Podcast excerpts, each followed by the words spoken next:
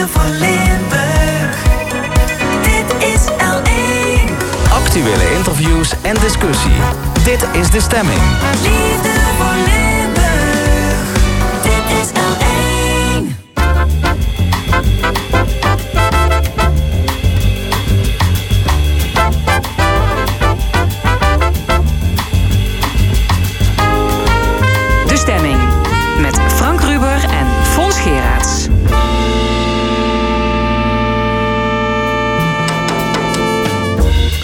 Welkom bij de stemming. Interviews en discussies over politiek, cultuur en samenleving. Wat hebben we tot één uur voor u in petto? Twee fractievoorzitters over de brandbrief van Rianne Donders, burgemeester van Roermond. Twee jonge boeren over de toenemende druk op de agrarische sector. En onze analist hier op de kraker over de vraag of er vorderingen worden gemaakt in Glasgow.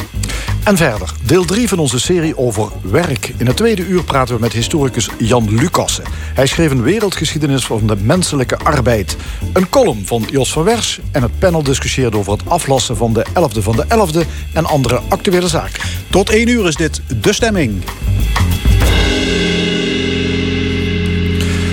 Zaterdag houdt de gemeenteraad van Roermond een extra raadsvergadering. Op de agenda de opmerkelijke brandbrief van burgemeester Rianne Donders.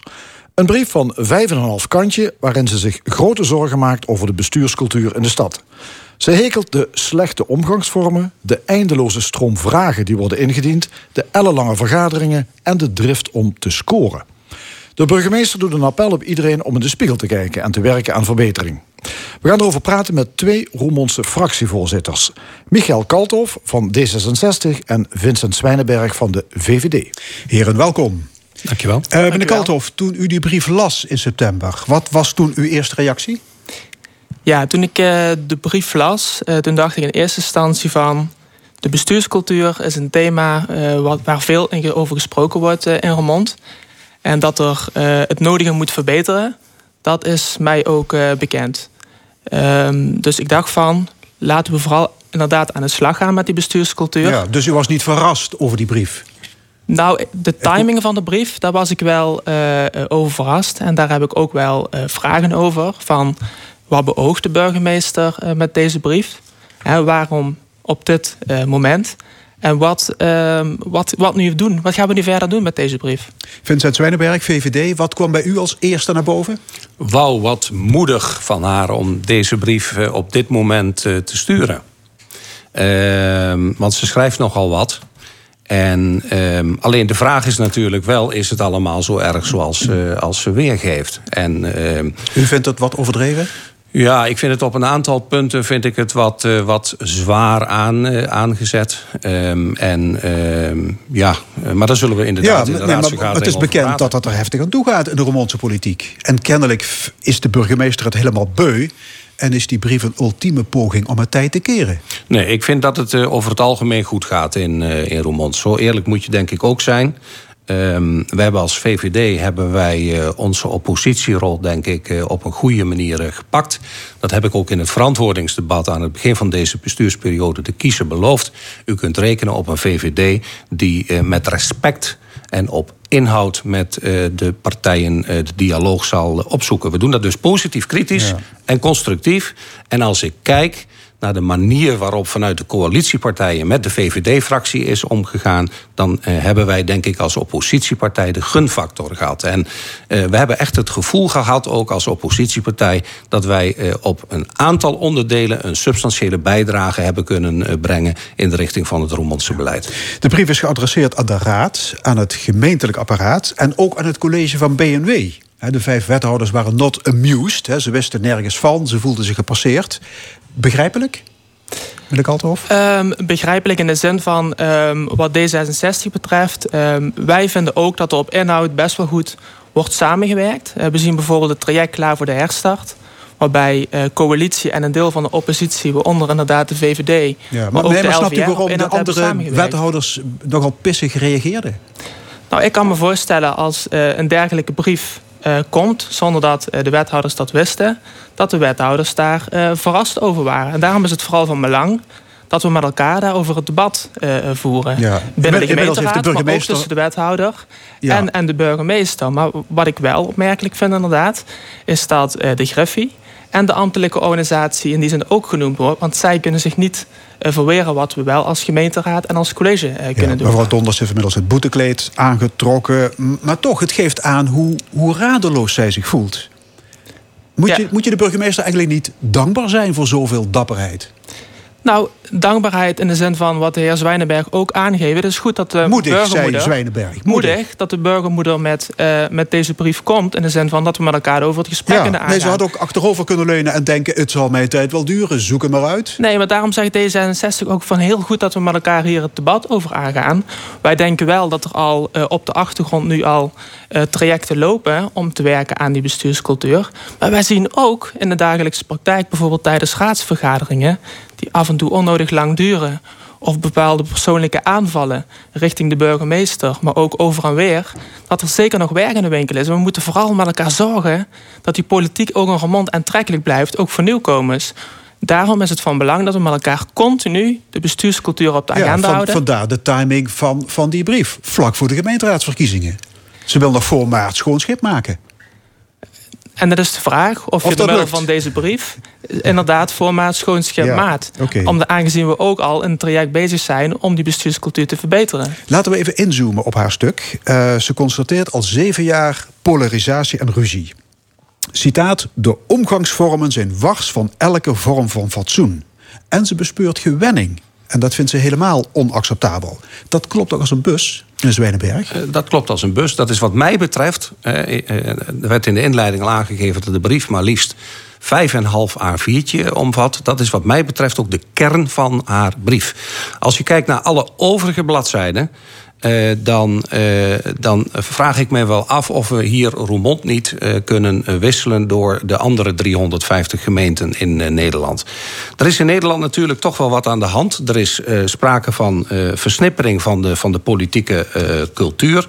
De overheid die moet zich doorontwikkelen na- als, een, als een re- regisserende overheid. Moet veel meer die verbinding met de bevolking gaan, gaan opzoeken. Het is een worsteling, denk ik, die gemeenten allemaal doormaken. Van hoe houd ik die balans met, eh, met de samenleving. En kijk eens naar de provincie Limburg. Ik ben twaalf jaar statenlid eh, geweest. Eh, ik kijk soms met verbazing naar datgene wat daar gebeurt. Maar het maakt wel deel uit van het huidige tijdsgewicht. Kijk naar de Tweede Kamer. Ik heb buitengewoon veel respect voor minister-president Rutte. Als je kijkt naar de verbindende rol die hij ehm, eh, zeg maar op dit moment vervult. En burgemeesters. Eh, ook Rianne Donders, zullen dus die verbindende rol beter moeten oppakken. Die zullen de dialoog met de raadsleden eh, beter moeten, eh, moeten oppakken. Wethouders moeten uit, uit hun veilige coalitienestje in feite komen. Want zij moeten niet alleen op zoek gaan naar een meerderheid via de coalitiepartijen. Nee, het gaat tegenwoordig om draagvlak. Het gaat erom om de grootst mogelijke meerderheid voor je beleidsstukken te vinden in de gemeenteraad. En daar ligt nog een geweldige opgave. Daar slaagt Roermond op dit moment nog niet in. Maar daar slagen denk ik ook de overige 350 gemeenten eh, niet in. Want het is een andere manier van denken waar we met elkaar naar de Ja, bestuurscultuur naar is een probleem dat elders ook speelt. Het is, Exact. het is overal aan de ik orde. Meneer Kalthoff, eh, D66, ja? Even op reageren. Ehm, wat de heer Zwijnenberg zegt van dat de burgemeester een verbindende rol moet, eh, moet aannemen. Richting de gemeenteraad, richting het overige college, maar ook richting de samenleving ben ik helemaal mee eens. En daar zet ze ook stappen toe. Maar dat kan inderdaad nog, nog beter. Dat is een opgave voor ons allemaal. Daarnaast denk ik ook van, eh, ook de wethouders werden zojuist genoemd. Volgens mij hebben we zojuist een heel mooi traject met elkaar er lopen, klaar voor de herstart. En ook nu richting de begroting gaan we eigenlijk hand in hand eh, gaan we kijken wat, wat mogelijk is om consensus te bereiken, om dadelijk met een begroting te komen die eh, breed gedragen wordt in de gemeenteraad. En daar zetten we hele mooie stappen in. Dus ik denk dat er al heel veel gebeurt. Alleen het is nu zaak dat we dat ook gewoon blijven voortzetten naar de toekomst toe. Ja, oké. Goed, ik ga nog even terug naar die brief. Ehm, er zijn fracties, ik citeer, die een eindeloze stroom vragen in alle soorten en maten indienen. En dat zorgt voor stroperigheid, dat vreet energie van het college en ook van het ambtelijk apparaat. Heeft de burgemeester een punt? Kijk, eh, het vragenrecht is belangrijk. Ieder raadslid heeft het recht om vragen te stellen. Alleen, eh, ook D66 heeft af en toe wel eens moeite met de hoeveelheid vragen. En ook met de gedetailleerdheid van de vragen. Ook als je ziet eh, hoe raadsvergaderingen daardoor verlopen. We vergaderen daardoor veel te lang. En dus dan wordt zeker eigenlijk obstructie gepleegd. Obstructie vind ik, eh, vind ik een zwaar woord. Ik vind nogmaals dat iedereen eh, vragen moet stellen. Maar ik denk wel dat het heel goed is voor ieder raadslid, van welke partij dan ook, om goed na te denken over waarom stel ik een vraag en op welke manier stel ik de vraag. Want we zitten ook met een organisatieverandering die ontzettend veel teweeg brengt. En we moeten ook de organisatie rust bieden om die verandering teweeg Ja, te brengen. maar- Door heel veel vragen te stellen lossen we het probleem niet op. De raad is er om het college te controleren. Maar volgens de burgemeester is het raadsleden niet te doen om waarheidsvinding. Maar het gebeurt uit politieke profileringsdrang. Men wil scoren, stennis maken. Ja, dat kan de burgemeester vinden, maar in hoeverre Heeft u de verschilt... indruk niet dat dat nee, gebeurt? hoe- in hoeverre verschilt nou Roermond op dit punt met de overige gemeenten? Ik denk dat het overal aan eh, de orde is. We zullen ook naar de cultuur moeten kijken in Roermond. Roermond heeft eh, te maken met een hele grote lokale eh, politieke partij. Nou, zo'n politieke partij heeft altijd een bepaalde eh ontstaans. ja, u heeft het over de liberale Volkspartij? Dat is Van- een van de, van een van Jos de van lokale politieke partijen De, die. de grootste, in de ieder geval allergrootste. Ja. Ja. oppositiepartij. Ehm, maar er worden geen namen genoemd in die brief. Maar voor de goede verstaander is het wel duidelijk waar de kritiek op is gericht. Eh, dat lijkt mij wel. Aan de andere kant zal de burgemeester daar natuurlijk ook aanstaande zaterdag nog een nadere toelichting Ja. op, eh, op, moeten, eh, op moeten geven. Waar we ook mee te maken hebben in Roermond, is dat we de kleinst mogelijke meerderheid hebben ten opzichte van de coalitie. En dan krijg je het natuurlijke verschijnsel dat je natuurlijk de grootst mogelijke oppositie daar tegenover plaatst. Ja, en dan is het denk ik logisch dat er natuurlijk veel meer vragen worden gesteld. Dat die oppositie natuurlijk ook haar rol daarin gaat eh, nemen. Dus in mijn optiek zit er al een weeffout aan het begin van deze bestuursperiode. Eh, door bijvoorbeeld de VVD uit het college eh, te duwen. ten gunste van een eh, tweede wethouderszetel voor GroenLinks. GroenLinks heeft daar natuurlijk een stukje verantwoordelijkheid genomen. om met een hele kleine meerderheid te gaan regeren. En dan moet je, denk ik, vervolgens ook de situatie die nu ontstaan is. moet je daarbij pakken, denk ik. Ja, maar in feite roept de burgemeester op tot reflectie. Kijk eens in de spiegel. Vraag je af wat jij, raadslid, eh, ambtenaar, wethouder... kunt verbeteren aan het functioneren van het lokale bestuur. Ja. Wat, wat is daarop tegen? Daar is volgens mij helemaal niets op tegen. En ook binnen onze eigen fractie D66 en ook persoonlijk reflecteer ik altijd op, ons, op mijn eigen gedrag en ook op ons gedrag binnen, binnen die gemeenteraad. Maar om dan even toch nog eh, een kritische noot eh, te kraken over de brief. Eh, Terwijl wij als D66 heel belangrijk vinden om samen met de burgemeester aan te werken aan de bestuurscultuur, is de zelfreflectie. Wij missen ook in de brief een stukje zelfreflectie van de burgemeester. De burgemeester is op dit moment ongeveer zeven jaar eh, onderdeel van, van Roermond. Wat heeft de burgemeester er zelf aan gedaan om die bestuurscultuur te verbeteren? En vervolgens de vraag is van, hoe nu verder? Want dat lezen we ook niet eh, terug in de brief. We zien vooral in de brief van, ja, eh, er zijn dingen die beter moeten. Waar wij als D66 zeker met bepaalde dingen eens zijn. Maar hoe gaan we nu verder? En we willen heel graag in het debat met de burgemeester op die vragen, dus de zelfanalyse, plus eh, hoe nu verder, daar willen we Maar u graag vindt dat de antwoorden over. burgemeester ook het nodige te verwijten valt? Eh, ik denk By, dat by the way, die brief is ook aan onszelf gericht. Hè? Aan het college van burgemeester en wethouders. Dus die brief is ook aan haar geadresseerd eigenlijk. Dat klopt. Ja. Dus ik vind het ook belangrijk dat eh, wij ons in de spiegel moeten eh, kijken. Hè? Dus de raadsleden, de collegeleden, de ambtelijke organisatie en de Griffie. Maar dus ook de burgemeester zelf. En ik ben heel Ja. erg benieuwd naar de analyse van de burgemeester. Zwijnenberg, heeft de burgemeester zich voldoende ingezet... om gemaakte afspraken op dit terrein uit te voeren? Nou, ik denk dat daar best wel een tandje bij had eh, gekund. Als je uiteindelijk kijkt wat er in de brief staat. eh, zij spreekt over bestuurscultuur. Zij komt met een, eh, een definitie van bestuurscultuur uit de literatuur. Ja. Zij geeft aan wat zij vindt wat bestuurscultuur zou moeten zijn. Maar wat ontbreekt aan de brief is het plaatje van 2018. Eh, wat ontbreekt aan de brief is het effect van de werkgroep Vragenrecht, die eh, toch ook een jaar heeft gefunctioneerd in eh Roermond.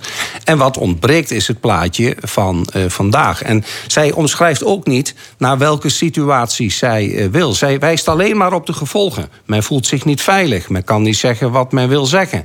De kwaliteit en de voorbereiding van de besluiten die kan beter. Het imago van de stad wordt beschadigd. Het algemeen belang raakt kwetsbaar. De geloofwaardigheid staat op het spel. Er wordt gesproken over oude gewoontes, achterhaalde cultuurpatronen.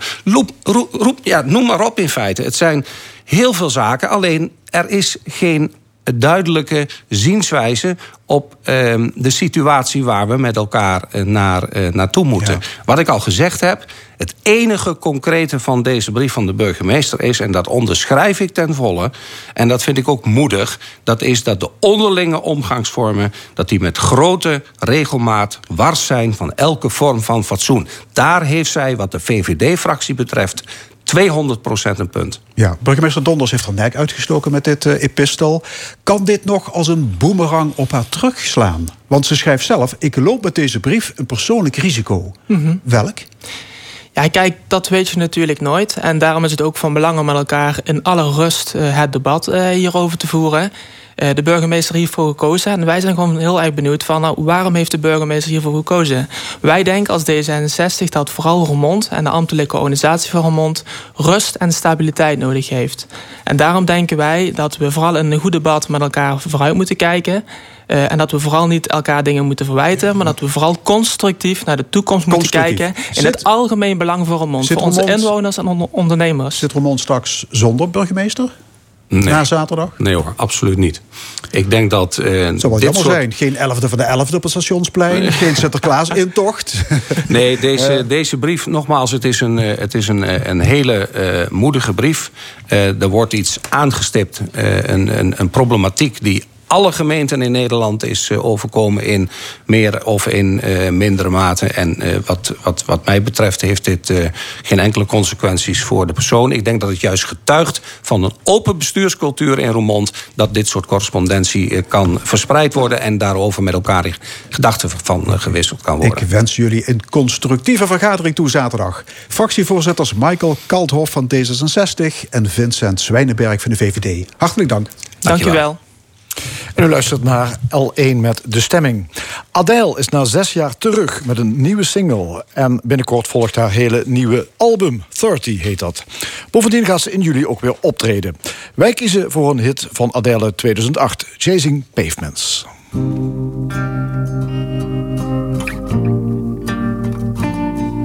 I've made up my mind. Don't need to think it over. If I'm wrong, I am right. Don't need to look no further. This ain't last. I know this is love. But if I tell the world, I'll never say enough cause it was not said to you. And that's exactly what I need to do. If I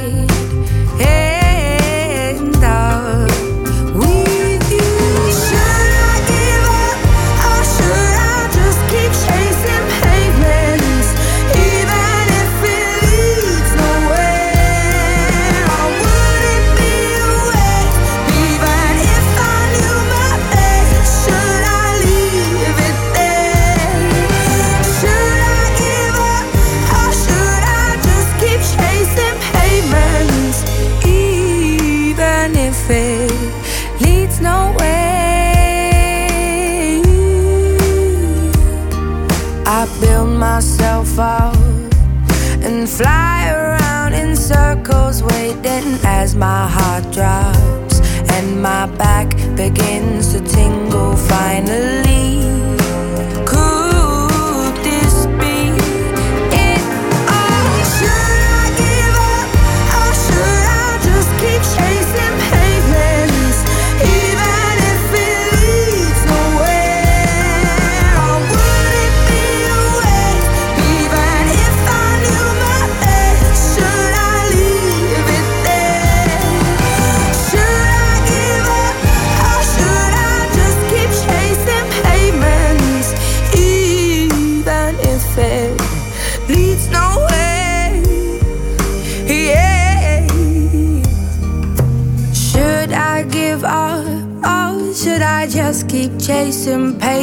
even if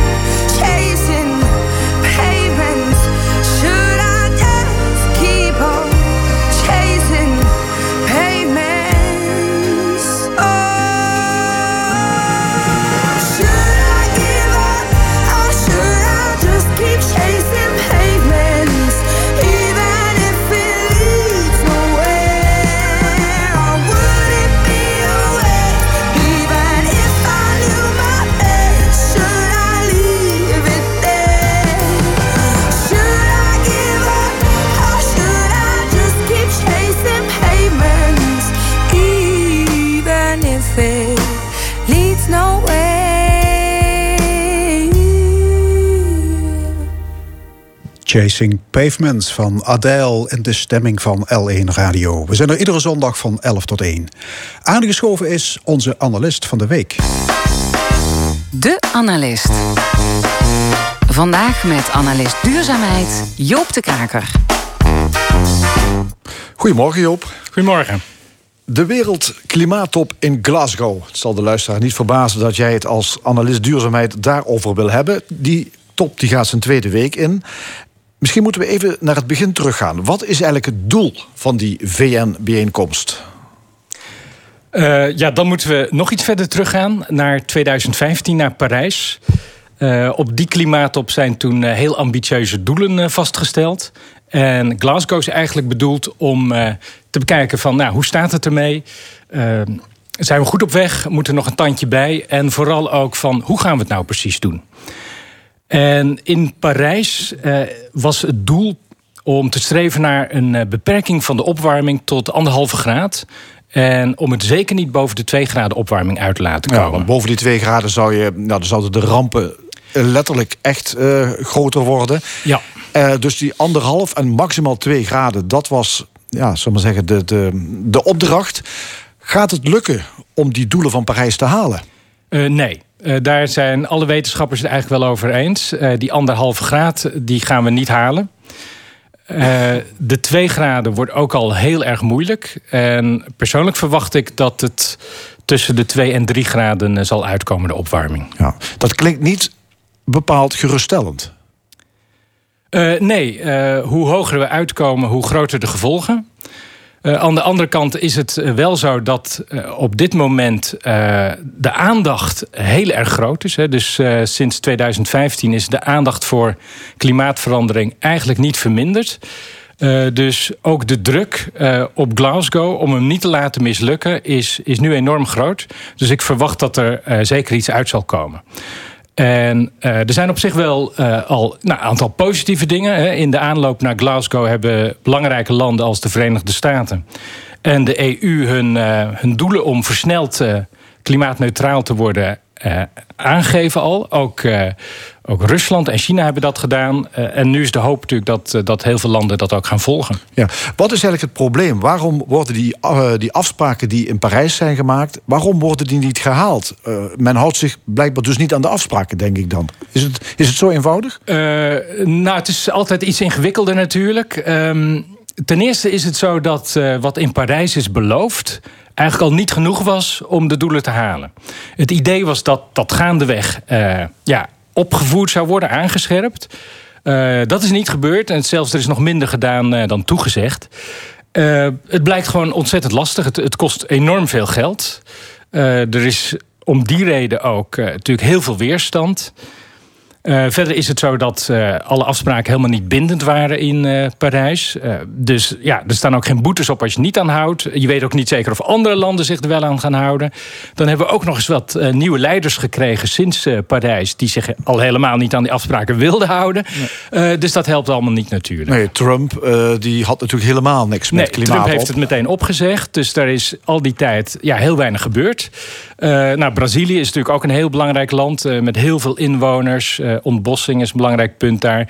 Uh, nou, Bolsonaro uh, doet ook niet erg zijn best, zacht gezegd. Hè? dus dat helpt allemaal niet. Nee. Inmiddels is er een paar maanden geleden een alarmerend klimaatrapport verschenen... van het klimaatpanel van de VN... Gaat, eh, versnelt dat niet? Of is dat niet echt een wake-up call? Dat er dan toch iets meer bereikt gaat worden als al die wetenschappers zeggen van het gaat helemaal verkeerd? Nou, die druk is, is wel groot. En uh, je ziet dan ook dat er, dat er zeker uh, dingen gebeuren. Er zijn afgelopen week uh, toch wel een paar successen gemeld. Er zijn twee belangrijke afspraken gemaakt. eentje over ontbossing en eentje over, over methaan. Ontbossing is heel belangrijk om dat tegen te gaan, omdat bij kappen van bos komt heel veel broeikasgas vrij, terwijl een, een bos zelf natuurlijk veel broeikasgas kan opnemen. Punt daarbij is dat daar eerder afspraken over zijn gemaakt en die zijn nooit nagekomen. Dus de vraag is: gaat dat nu wel gebeuren? Een andere belangrijke afspraak die deze week gemaakt is, gaat over methaan of moerasgas. Dat uh, is een heel krachtig broeikasgas. Dus dat is belangrijk om, om de uitstoot daarvan te beperken. Dat komt nu in grote hoeveelheden vrij bij, bij oliewinning. En ook eh, de scheten van koeien zit eh, vol methaan. Ehm, een probleem met die afspraken is dat eh, een grote vuiler als Rusland er niet bij zit. En er is ook helemaal niets afgesproken over eh, het aanpakken van de veestapel. Ja, dus wel mooie afspraken, maar de vraag is maar weer: wordt het nageleefd? En ehm, ja, het is ook niet controleerbaar of afdwingbaar. Er staan geen boetes op als je het bijvoorbeeld niet eh, naleeft. Nou, dat, dat gaan we nog zien. Hè. Dus er komt nog een week aan. En het doel van Glasgow is wel om tot, tot ja, meer nadere afspraken te komen. Preciezer dat landen gezegd van hoe gaan ze het dan doen. Zodat ze daar ook aangesproken kunnen worden. En dat wordt ook allemaal gemonitord. Dus wat dat betreft wordt er wel weer een stap vooruit gezet in het eh, ja, eh, controleerbaar maken. Ja, je bent eh, lichtelijk positief. Nou ja, ik ben wel positief. En, ehm, het, is, eh, het is stap in de goede richting. Het is ook belangrijk om eh, niet alleen naar eh, het tegengaan van klimaatverandering te kijken, maar ook naar een andere kant van klimaatverandering, namelijk het aanpassen aan de gevolgen daarvan. Ja, want daar wilde ik eigenlijk naartoe gaan. Want die onderwerpen die in Glasgow besproken worden... die gaan het klimaat op de hele wereld aan. Dus er moeten ook onderwerpen voorbij komen... die voor ons hier in Limburg van belang zijn. Hè? En dan is, ja, zal maar zeggen... het, tegengaan van die klimaatverandering... ja, dat is één ding, maar er is natuurlijk ve- veel meer. Ja, eh, dus het tegengaan is inderdaad één ding. Hè. Eh, Ik bedoel, eh, ook Limburg krijgt te maken met klimaatverandering. Dus ook in het belang van Limburg is om verdere klimaatverandering tegen te gaan. Aan de andere kant is het zo dat we de gevolgen gewoon nu al merken. Dus dat we ook daar iets mee moeten. Ja, we hebben de overstromingen van afgelopen zomer natuurlijk... allemaal nog op ons netvlies. Ja. En dat is uiteindelijk toch wel eh, ja, echt ook in verband gebracht met, eh, met klimaatverandering. Dus dat, eh, dat tegengaan van de gevolgen, of dat aanpassen aan die gevolgen, beter gezegd. Eh, klimaatadaptatie, zoals dat heet, dat is ook een heel belangrijk punt.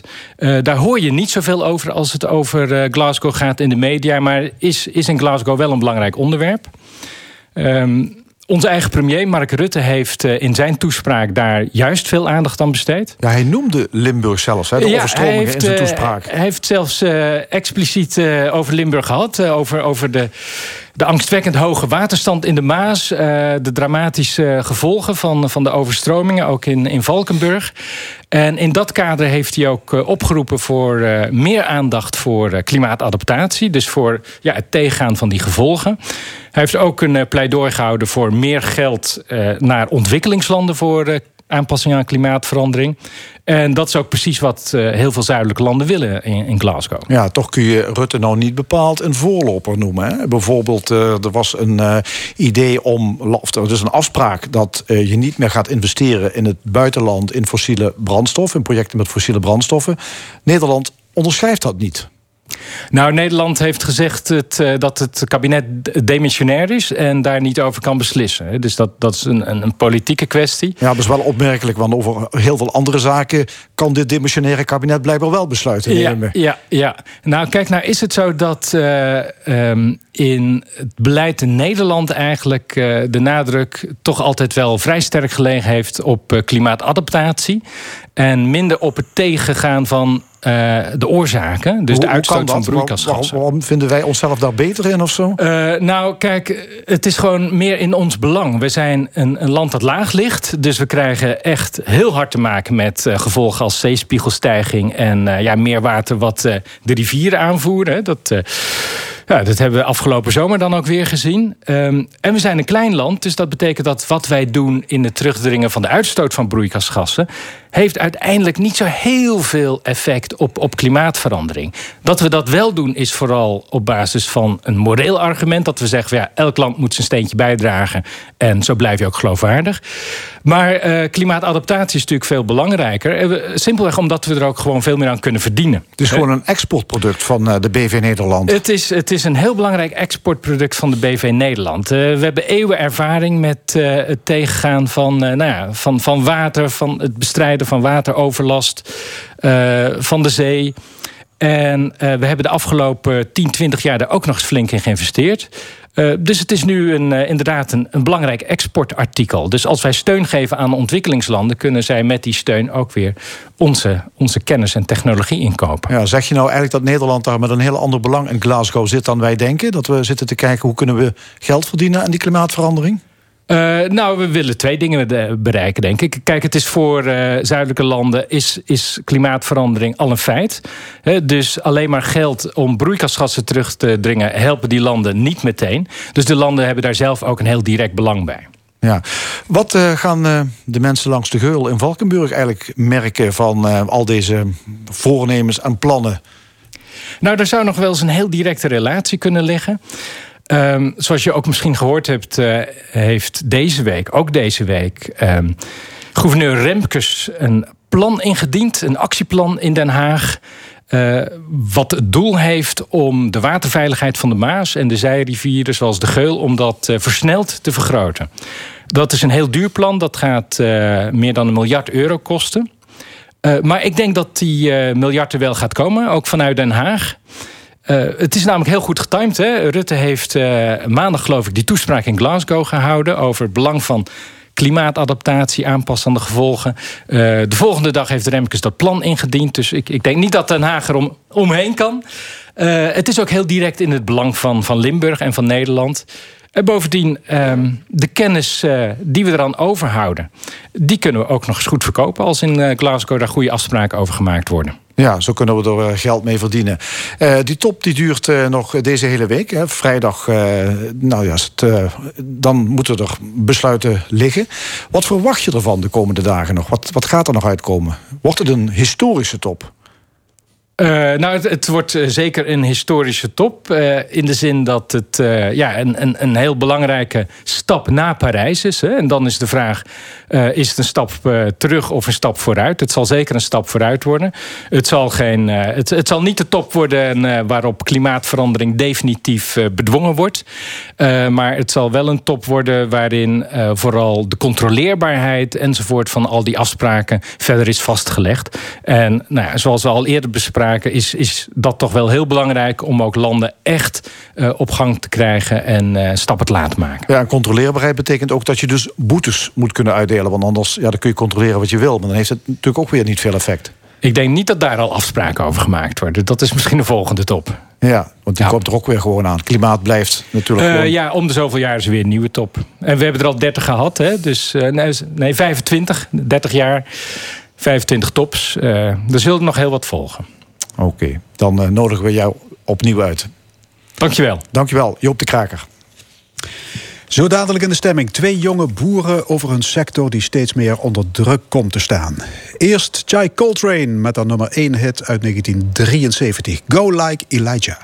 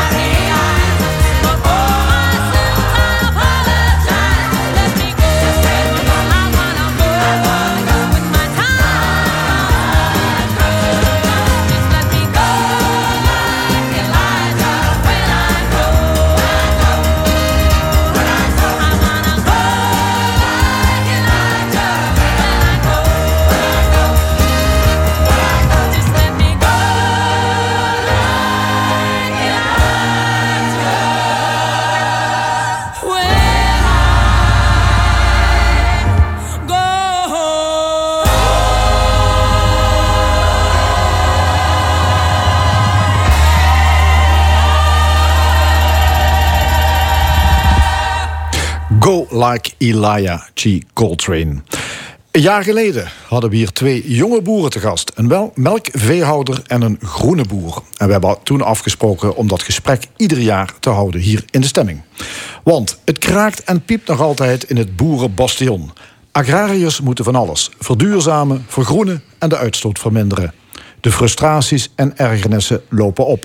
Bij ons aan tafel melkveehouder Maiko ten Katen en groene boer Mark Venner. Ja, welkom allebei. Eh Maiko, samen met je ouders heb je een melkveebedrijf in Nederweert. Ja. Een jaar geleden vertelde je dat jullie 260 melkkoeien hebben. Is dat nog steeds zo? Dat is nog steeds zo. Ge- geen koeien bijgekomen? Nee, eh, ja, op dit moment eh, ja, durft eigenlijk niemand eh, plannen meer te maken. Dus ja, ik eh, durf op dit moment ook geen plannen te En, maken. en waar blijven die kalveren dan? Eh, ja, die, die blijven nog gewoon ook wel de boerderij. We hebben natuurlijk kalfjes nodig om eh, ja, ook koeien te vervangen. En, eh, Oh zo, maar per saldo blijft het. ja, per saldo blijft het gelijk. eh, blijft ja. het gelijk. Hey, had je verwacht dat, je een dat een jaar later eh, de landbouw nog altijd onder het vergrootglas zou liggen? Ja, eigenlijk wel. Want je ziet gewoon sowieso politiek gaan dingen gewoon heel erg langzaam. Maar ik had wel verwacht dat we op dit moment een keer verder zouden zijn in positieve zin. Maar ik merk juist meer dat, eh, dat we steeds verder van elkaar afstaan. Dat de polarisatie steeds groter wordt. Ja, Eh, en de milieuproblematiek is nog lang niet opgelost natuurlijk. Hè? nee, Mark Venner, ehm, jullie hebben thuis in Baaksum ook een melkveebedrijf met maar 50 koeien. En je vertelde vorig jaar dat je vader er over twee jaar een punt achter zet. Ja, Dus volgend jaar is het sloes. volgend jaar gaan de koeien weg, jazeker. Plannen niet veranderd. Niet veranderen, En waarom, nee. waarom, waarom stopt hij? Ehm, hij wordt volgend jaar 65, dus dat is een mooie leeftijd om met eh, pensioen te Het gaan. geldt niet voor boeren toch? Die nou goed, het, het is de tijd voor een nieuwe generatie. En ik, ehm, ik heb ervoor gekozen om de koeien achterwege te laten... en op een, eh, op een andere manier eh, een bedrijf in te richten. En dat is na- namelijk natuur inclusief. Ehm, en in mijn geval een, eh, door middel van een voedselbos. Ja, daar ben je mee begonnen, al een tijd geleden. Een bosje van 5 hectare. Met daarop 12.000 bomen. Goed tegen de ontbossing trouwens, hè? Ja, dat, was in het eerste jaar hebben we 12.000 bomen aangeplant. Eh, en dit, vorig jaar hebben we nog 2000 bomen extra geplant. En dit jaar gaan we weer wat extra planten. Dus eh, er komen steeds meer bomen bij. Ja, leg je op schema Ja, zeker. qua aanplant. Zeker, ja. Ja, je wilt toen naar een bos-ecosysteem met hoge bomen, lage bomen, struiken, klimplanten. Ja. Over hoeveel jaar kun je de eerste vruchten plukken? Ehm, ik denk nu dat ik nog zo'n jaar of zes moet wachten. De planten die ik vorig jaar heb aangeplant, bijvoorbeeld de rode bes, eh, die heeft al eh, vrucht gedragen afgelopen jaar, maar was nog niet rendabel om te oogsten. Maar ik ga ervan uit over zes, zeven jaar dat het wel rendabel wordt. Zes, zeven jaar. Ja. Dus dat leuke dat- voedselbos levert nog geen inkomsten op voorlopig. Nog niet, nee, nog niet. Maar ehm, het is ook. Eh, Na een jaar of 15 eh geeft pas een notenproductie. Dus na 6, 7 jaar is het een rendabel inkomen wat je aan een voedselbos kunt halen. Maar het wil niet zeggen dat dan alle soorten al productie geven. Ehm, het voordeel is wel dat je dus na een jaar of 15 tot 20 nog meer inkomen uit een Ja, voedselbos want die bomen worden ook steeds groter Steeds natuurlijk. groter, meer massa. Ja, zeker, ja. Je noemde net bessen, noten, wat nog meer? Eh, Appels, peren? Kaki, appel, peer, eh nasi peer, kweepeer, van alles wat. Szechuanpeper. Een jaar geleden, een jaar geleden werkte je bij het IKL. Ja. Eh, we weten allemaal welk Sjoemeldrama zich daar heeft Juist. afgespeeld. Het IKL is ook failliet verklaard. Ja. Eh, ben- je ook op straat gezet? Ja, ja, zeker. Ja, net als mijn eh, andere collega's. Maar eh, voor mij heeft het ook wel nieuwe perspectieven geboden. Dus ik ben aan de slag gegaan met mijn eigen onderneming. En ik begeleid nu ook andere boeren in een transitie naar een natuur-inclusieve landbouw. Hmm. Dus we begeleiden nu zo'n 40 hectare voedselbos in Limburg. En was je op de hoogte van die wirwar aan BV'tjes? Nee, nee, nee, natuurlijk niet. Nee. Nee, ik, ik, ik was gewoon met mijn werk bezig en eh, alles wat eh, daarboven zich af heeft gespeeld, dat, eh, daar was ik me niet van bewust. Nee. Maar hoe heb je dat allemaal beleefd?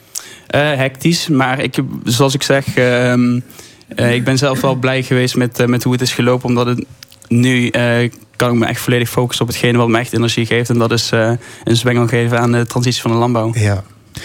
Maiko, boeren die zijn het geloof in de overheid kwijtgeraakt. Hè? Dat blijkt uit een onderzoek in opdracht van de Volkskrant. Eh, van de veehouders heeft 70% geen vertrouwen meer in de overheid. Behoor je daar ook toe? Ja, ik heb op zich ook vrij weinig vertrouwen in de overheid. Na alle ja, dingen die de overheid eigenlijk eh, ja, gedaan heeft. eh. Tenminste, ja, met de hebben ze gewoon heel veel, eh, heel veel, ja, vertrouwen verloren bij, de boeren. Tenminste, een heel groot, ja, van een heel groot, of ja, ze dachten dat het een heel groot probleem was, maar er bleek eigenlijk vrij weinig aan de hand te zijn. Maar ook rondom het hele stikstofdossier, hoe daar met de boeren mee omgegaan wordt. eh, ja, daar wek je niet bepaald vertrouwen mee eh, bij de boeren. Nee. Nog maar 5% heeft vertrouwen in het ministerie van Landbouw. En wat de boeren het meeste steekt is de onzekerheid. Ja. En dat er steeds nieuwe regels worden opgelegd. Is dat inderdaad de grootste bron van ergernis? Ja, je wil, ja, als, je zekerheid hebt in de regels, dan krijg je natuurlijk ook wel vertrouwen in de, in de overheid. Maar je krijgt ook vertrouwen in, in jouw eigen toekomstperspectief, waar je ook naartoe kan. Maar de afgelopen twee, drie jaar veranderden de regels constant. En dan kun je zelf ook geen plannen maken. Want ja, het wisselt de hele tijd. Gaat van de ene kant gaan we linksom. Nee, dan moeten we meteen weer helemaal rechtsom. Ja, daar kun je geen plannen meer op maken. Ja, je moet investeren in een, noem maar wat, in een nieuw stalsysteem. En een paar jaar later moet die stal weer een nieuwe eisen voldoen. Ja, Z- zoiets? Ja, dat, dat gaat niet. Als je, je- gaat naar de bank, je, of als je een stal wil bouwen, dan ga je naar de bank voor een financiering. Eh, ja, betaal je in 20, 25 jaar af. Ja, dan kun je niet van aan die boer eh, vragen van... ja, eh, leuk dat je een miljoen hebt geïnvesteerd in een hele mooie duurzame stal... maar eh, nou, we willen toch weer anders. Ja, breek de tent maar weer af en ja, gaan we weer terug naar de bank... om een nieuwe stal aan te vragen. Ja. Dus door steeds nieuwe regelgeving wordt de boer op kosten gejaagd. En hij kan die investeringen niet meer terugverdienen. Nee, want ja, we kunnen wel een, een steeds duurzamere stal maken of steeds, steeds duurzamer produceren. Maar als daar uiteindelijk niet voor betaald wordt, ja, dan moet de boer dus die eh, meerkosten gaan betalen. Ja, dat houdt op een gegeven moment gewoon een Ja. keer op. En waarom doet de overheid dat? Ja, dat vraag ik me ook af. eh, Want ze zien volgens mij best in dat dit op deze manier niet gaat. eh. Mark Venner, jouw vader is ook melkveehouder, hè? weliswaar een kleintje. Wordt hij ook horendol van steeds nieuwe Ja, we- wet en Wij, regelgeving? wij zitten niet in een uitzichtloze positie, omdat we al een eh, toekomstperspectief hebben, namelijk het, eh, het, het voedselbos. Eh, op het moment dat mijn vader stopt met de melkvee, dan komt ook de overige hectares grond vrij. En dan kunnen we ook nog gaan uitbreiden met, met dat stuk. Ehm, en dat is Waar natuurlijk... begrijp je de frustratie van je overbuurman hier aan tafel? Ja, ja ener- enerzijds wel. Op het moment dat je eh, niet kunt doen wat je al jaren hebt gedaan, dan, ehm, ehm, dan begrijp ik dat zeker. Maar ik denk ook wel dat we nog verder moeten kijken en ehm, eerlijk moeten zijn eh, over hoe we ons grondgebruik zouden moeten inrichten. En ik denk dat, dat we daar wel slagen te winnen hebben. Als we, als we CO2 willen gaan vastleggen, stikstof willen gaan binden, eh, water willen bergen. Ik hoorde net meneer praten over klimaatadaptatie. Dan moeten we ons buitengebied gewoon echt anders gaan inrichten. Ja, want de stikstofuitstoot is natuurlijk, kijk ook naar Michael, een groot probleem. Dat Ja, gaat ten koste van onze natuur, het gaat ten koste van onze biodiversiteit. Mark, jij noemt jezelf een groene boer. Hè? Mo- moet die uitstoot fors omlaag? Van CO2. Nee, van, ja, van alles. Stikstof, nee, maar- CO2, nou, goed, methaan, noem maar hoe, op. hoe ik het zie, we moeten ons buitengebied anders inrichten. En dan, dan tackle je die eh, problematiek automatisch. Want dan sla je stikstof op. Dan, dan, dan Maar hoe anders inrichten? Nou, biodivers. Dus, dus Pleit je moeten- ook moeten voor een verkleining van de veestapel, bijvoorbeeld? We moeten veel meer biodiversiteit toelaten ehm, eh, in, in Nederland. Onze bossen, eh, wat ongeveer 10% van Nederland is, die zijn, eh, dat, het staat vol met monocultuur. Het is totaal niet, niet aantrekkelijk. Enige uitzonderingen daar gelaten, namelijk het Savelsbos of wat dan ook. Maar over het algemeen is het gewoon echt treurig. En ook ons buitengebied. Dus ehm, eh, ons boerenlandschap, ja, dat ziet er echt heel erg treurig uit. Leeft helemaal niks, monocultuur.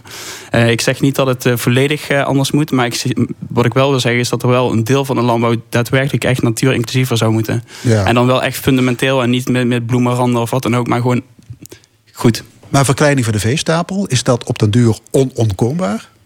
Ehm, ik denk dat we uiteindelijk naartoe moeten om te kijken wat we kunnen eten. En dus ook kunnen produceren in plaats van wat we willen eten en willen produceren. Ehm, het is niet meer dat wij eh, kunnen bepalen wat, wat ons dieet is. Uiteindelijk moeten we er gewoon echt naartoe. Hoe kunnen we überhaupt onze aarde leefbaar houden? Ehm, zonder natuur is er geen aarde leefbaar. Is er niet. Onmogelijk. Michael Tankate, wat vind je ervan? Ja, ik ben blij dat hij zegt dat we, dat, dat we niet moeten inkrimpen met het vee. Want ja, vee inkrimpen, dat, is nooit een, dat mag geen doel op zich zijn. Het, gaat, het is een discussie over emissies. En ja, ik ben deels wel eens dat het landbouw, ja, die kan wel veranderen. En er zijn ook wel zat bedrijven die willen veranderen. Maar het moet wel betaald worden op een gegeven moment. En Waar ik heel bang voor ben, is van nou, we willen dat landbouw verandert. eh, We gaan ons subsidies geven. Ja, dan hang je dus aan de, aan, weer aan de kraan van de overheid. En ja, die gaat dan regeltjes weer aanpassen. En dan blijf je in dezelfde discussie. Eh, dat zie je nou in Frankrijk gebeuren. Nou, een hele mooie ontwikkeling, wat blijkbaar de maatschappij heel graag wil. De, mensen, de boeren moeten allemaal biologisch gaan produceren. Heel veel melkvrouwen zijn een aantal jaar geleden zo biologisch gaan produceren. Nou is te veel, melk, te veel biologische melk. En de consument koopt het niet. En nou gaan daar dus biologische melkveebedrijven dus failliet. Omdat zij de meerkosten niet betaald meer kunnen krijgen. En dat is mijn grootste angst die ik dus heb. Van, eh, daar, de transitie wordt constant bij de boer gelegd. Maar je moet het hele systeem, hele, vanaf de... Dus eigen- ook consumenten, ook supermarkten. Jan en allemaal moet mee in die, in die ja, want uiteindelijk, de consument moet ook mee. Alles moet mee. En je kunt niet alles op het bordje van de boer schuiven. Want het moet ergens betaald worden. Mark, je liet net het woord eh, natuur-inclusieve landbouw vallen, volgens Ja, mij. ja. Daar hoor je, dat was een tijdje geleden, was dat bon ton, hè? Kringloop, landbouw, future ja, farming. Daar hoor ik niks meer over. Nee, is dat een hype die voorbij is? Enige Of? nuance in. eh, er wordt heel snel een, een stempel ergens op ge- gedrukt, duurzaam of natuurinclusief. Maar ik ben wel echt voor een fundamentele natuurinclusieve landbouw. En dan heb je het toch, toch over agroforestry systemen. En dat zijn systemen die dus inderdaad water bergen, eh, stikstof binden en CO2 opslaan. En daarnaast voedsel produceren voor mens en voor dier. En je hebt dan uiteindelijk gewoon een veel mooier landschap. En eh, alsnog een, eh, een volle portemonnee voor de boer. Een van de scenario's is om boeren dicht bij natuurgebieden om die te onteigenen. Maiko, wat vind je van dat plan? Ja, ik ben eigenlijk gewoon valikant tegen, tegen echt onteigenen. Ehm, eh, ja, op sommige momenten kan het wel een middel zijn, maar daar moet je wel heel voorzichtig mee omgaan. En ook gewoon wel die boeren weer toekomstperspectief geven als, de, als daar een jonge boer zit die wel door wil gaan. Dus dan moet je die ook de ruimte kunnen geven om op, op, een, eigen, op een andere plek ook weer. eh, ook weer Ja, ja, ja, je krijgt een heel flink pak geld krijg je mee. eh. nou, dat, het valt tegen. Het is, het, klinkt heel Ja. mooi, maar daar, daar zit een hele, hele trein aan regeltjes en eh, ja, juridische procedures aan vast. Dat is, eh, het is niet zo mooi als het, eh, als het lijkt. Hey, Zo'n 40% van de Limburgse melkveehouders heeft geen opvolger. Is het niet gewoon een kwestie van tijd? Lost het probleem zich niet vanzelf op? Ja, zo zou je er ook naar kunnen kijken. Dat het zichzelf oplost. Maar dat is de vraag, wil je dat? De melkvouderij heeft, eh, heeft meer taken dan alleen melk produceren. Ze, ze beheren ook gewoon ja, ook veel graslanden. Eh, hier in Zuid-Limburg, eh, daar, daar zijn heel veel, ook nog veel melkveebedrijven. Ja, die hebben die mooie graslanden op de heuvels. Die zorgen aan voor minder erosie. Dat, daar dat als er water komt, dat die bodem ook vastgehouden wordt. En het is een perfecte sector om met de akkerbouw samen te werken. En als je de melkveehouderij kwijtraakt, dan heeft de akkerbouw dus ook een heel groot probleem. Dus het is niet Ja. van, oh, de melkveehouderij is maar een deeltje. Nee, het is een heel belangrijk onderdeel van het hele agrocomplex en de hele economie. Waarom zijn er zo weinig opvolgers? Eh, ja, deels eh, vanwege deze steeds strenge regels. Eh, de lol is er op een gegeven moment ook gewoon Ja? vanaf. Is het niet meer leuk om agrarisch ondernemer te zijn eigenlijk? Nou, ik vind het nog steeds een geweldig beroep. Maar maar ja, als je gewoon kijkt hoe de afgelopen twee, drie jaar... er steeds maar nieuwe regeltjes bij komen... en hoe er over de boeren gepraat wordt eh, ja, door de politiek... ja, dan vraag je wel af, ja, moet ik dat nog wel in Nederland willen?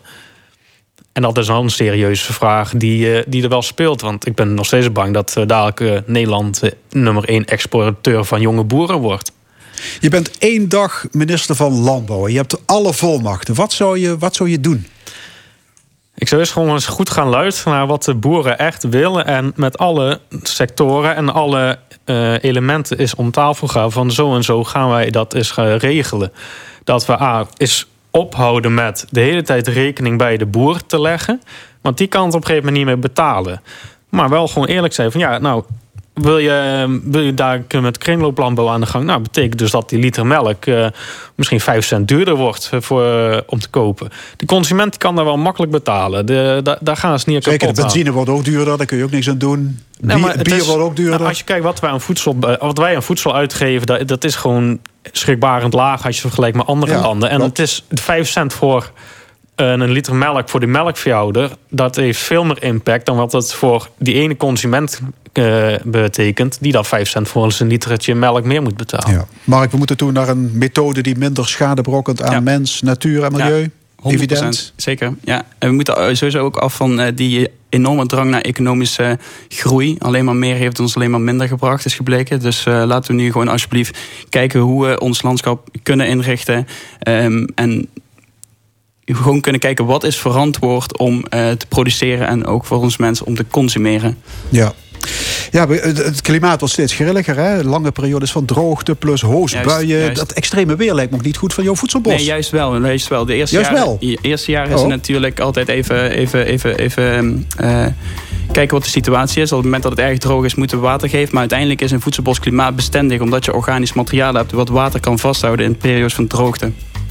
Oké, hartelijk dank allebei. Maiko ten Katen en Mark Venner. En ik zou zeggen tot eh, november 2022. Tot volgend jaar. Zometeen na het NOS-journaal van 12 uur... het magnum opus van historicus Jan Lucassen. Zijn boek De Wereld aan het Werk, van de prehistorie tot nu.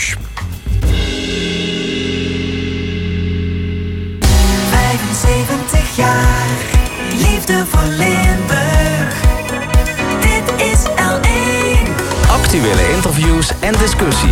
Dit is de stemming. Liefde voor Limburg. Dit is L1.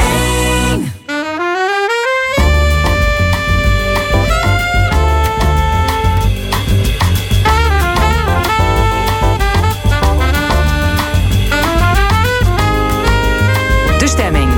Met Frank Ruber en Fons Geraerts. Opnieuw welkom bij De Stemming, het interview- en discussieprogramma van L1 Radio. En wat allemaal nog in de tweede en laatste uur. Vanaf half 1 discussieert het panel over de stijgende prijzen en andere actuele zaken. Jos van Wersch is er met zijn column van de week. Maar eerst deel 3 van onze serie over werk. Gewerkt wordt er al miljoenen jaren. Van de prehistorische jagers tot de kantoor- kantoormens van nu. Uit noodzaak, want er moet brood op de plank... maar ook omdat, er, omdat werken voldoening oplevert en trots. Historicus Jan Lucassen deed 30 jaar lang onderzoek naar de werkende mens. Niet alleen in de westerse wereld, maar ook in het Verre Oosten... en in het pre-Columbiaans Amerika. Hij schreef er een dik boek over, De Wereld aan het Werk. Aan tafel Jan Lucassen. Welkom. In de inleiding in uw boek eh, lees ik eh, dat het werk eigenlijk ontsproot is aan een zekere irritatie over de manier waarop wij de laatste decennia eh, kijken naar werk. Wat stoort u daaraan? Een van de, eh, van de redenen dat ik inderdaad dit boek geschreven heb, is dat ik eh, de laatste tientallen jaren een eenzijdige nadruk hoor in, eh, eh, in de media op het zelfstandig werken. Hè. De eh, ZZP'er eh, die zou de toekomst hebben. We zouden allemaal kleine of grote zelfstandigen worden. Ja, grote natuurlijk niet, want dan heb je werknemers nodig... en die zouden juist weer niet meer hoeven te zijn.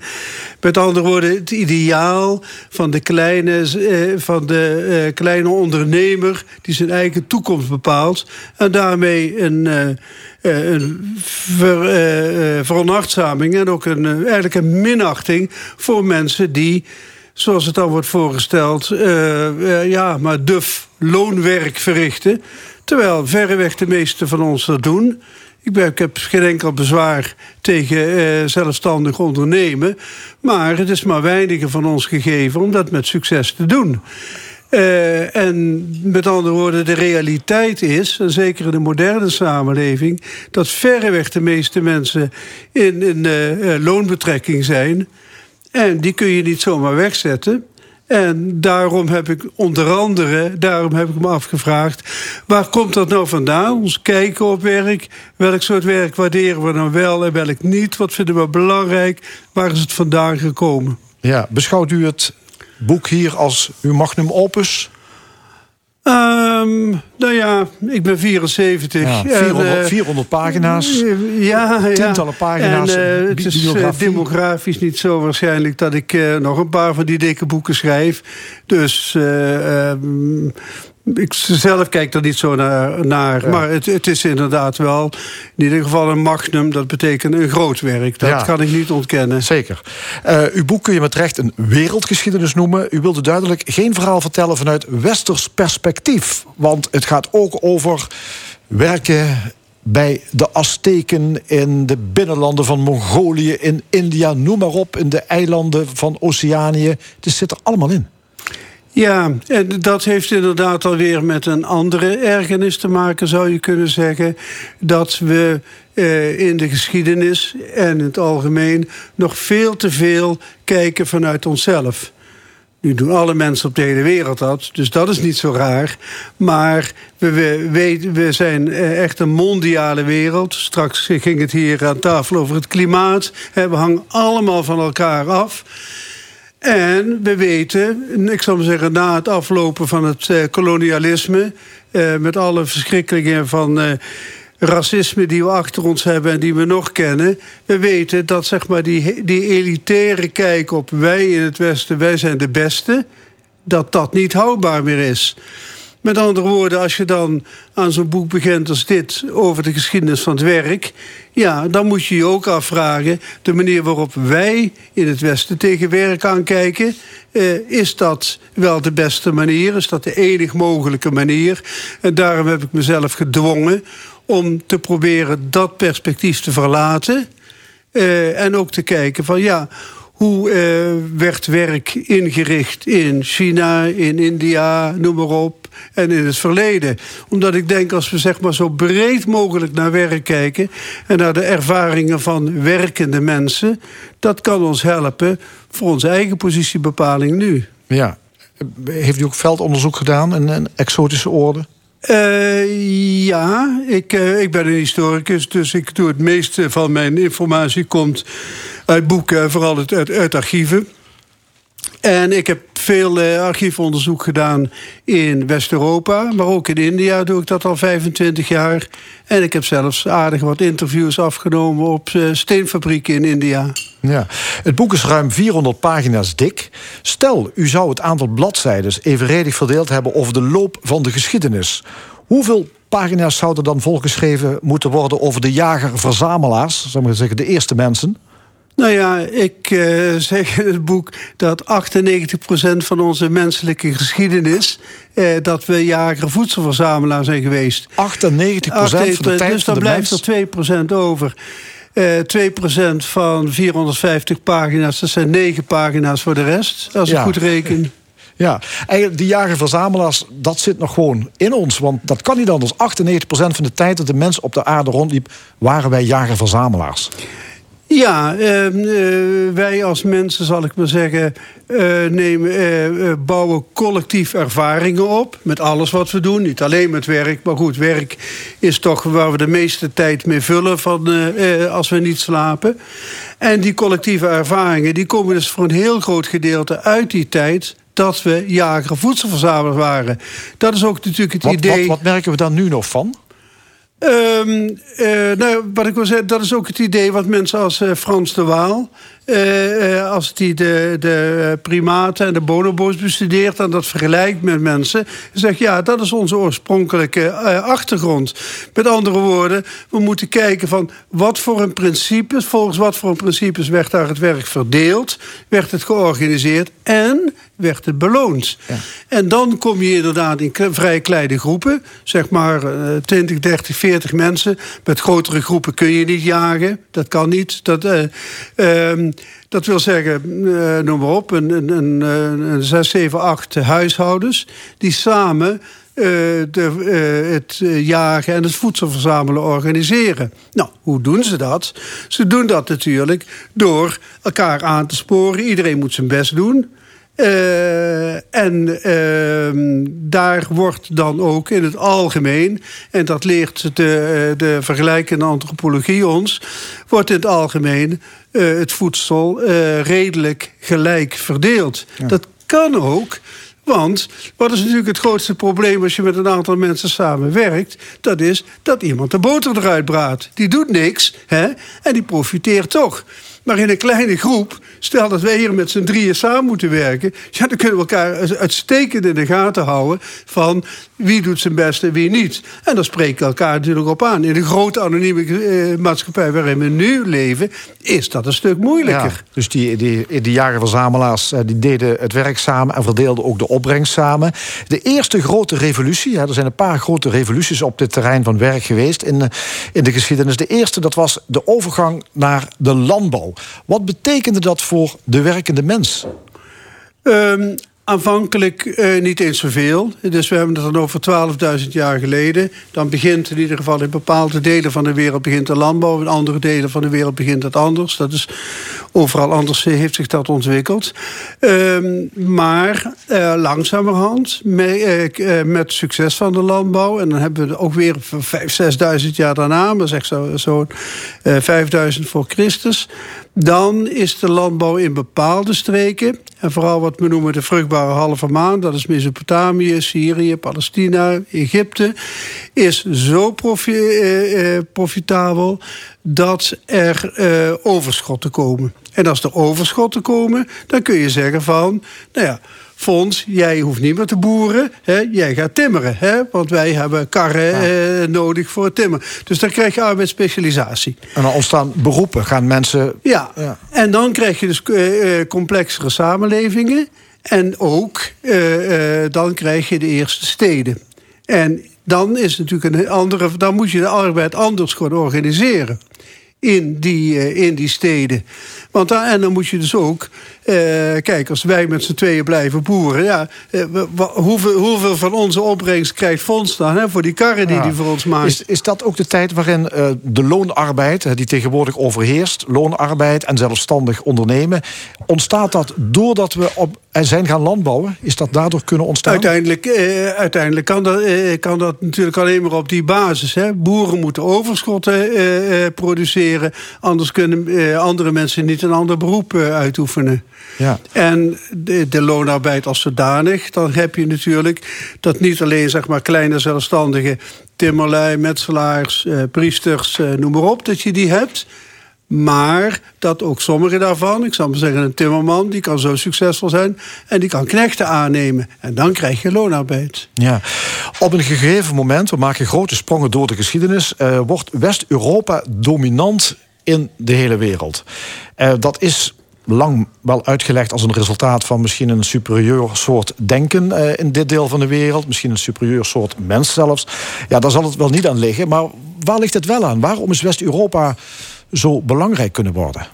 Ja, dat is inderdaad een hele grote vraag in de geschiedenis. En daar is de, de laatste tientallen jaren hebben we daar iets meer inzicht in gekregen. Dus de klassieke eh, eh, verklaring die wij natuurlijk vanuit ons perspectief aandroegen. Hè. Wij hadden de klassieke oudheid, daar zijn we erfgenamen van, hè, van de Grieken en de Romeinen. Wij hadden het christendom, daar zijn we de erfgenamen van. En daarmee zijn we een soort ubermensje. Hè. En daardoor zijn we in staat geweest om de wereld te veroveren. Plus natuurlijk een hoop slechtigheid en heel veel kanonnen. Ehm, de, het probleem is dat we er langzamerhand achter komen dat die, ik zal maar zeggen, eh, voorsprong van Europa vrij recent is. Eh, er is lang gedacht dat met de grote ontdekkingsreizen en zoals gezegd met onze grote schepen en kanonnen en geweren dat we het daarmee hebben gedaan. Maar het blijkt dat eh, nog honderden jaren daarna grote beschavingen, zoals in India en in China, eh, eigenlijk in heel veel opzichten, misschien bijna alle opzichten, eh, even goed presteerden. Ik zou maar zeggen, hoge culturen, hoge opbrengsten, fatsoenlijke inkomen per hoofd van de bevolking, et cetera. Ja, hebben En de- China en India dan op een gegeven moment de afslag gemist? Eh, is het, is nou het ja, eh, de, wat, wat Europa is in ieder geval zijn brute militaire kracht heeft meegeholpen. De enige andere eh, eh, eh, factor die misschien voor Europa eh, toch een voorsprong heeft eh, betekend. En die wordt onderzocht. Dat, dat debat is lang nog niet eh, eh, eh, aan het einde. Dat is alfabetisering en met name de productie van boeken.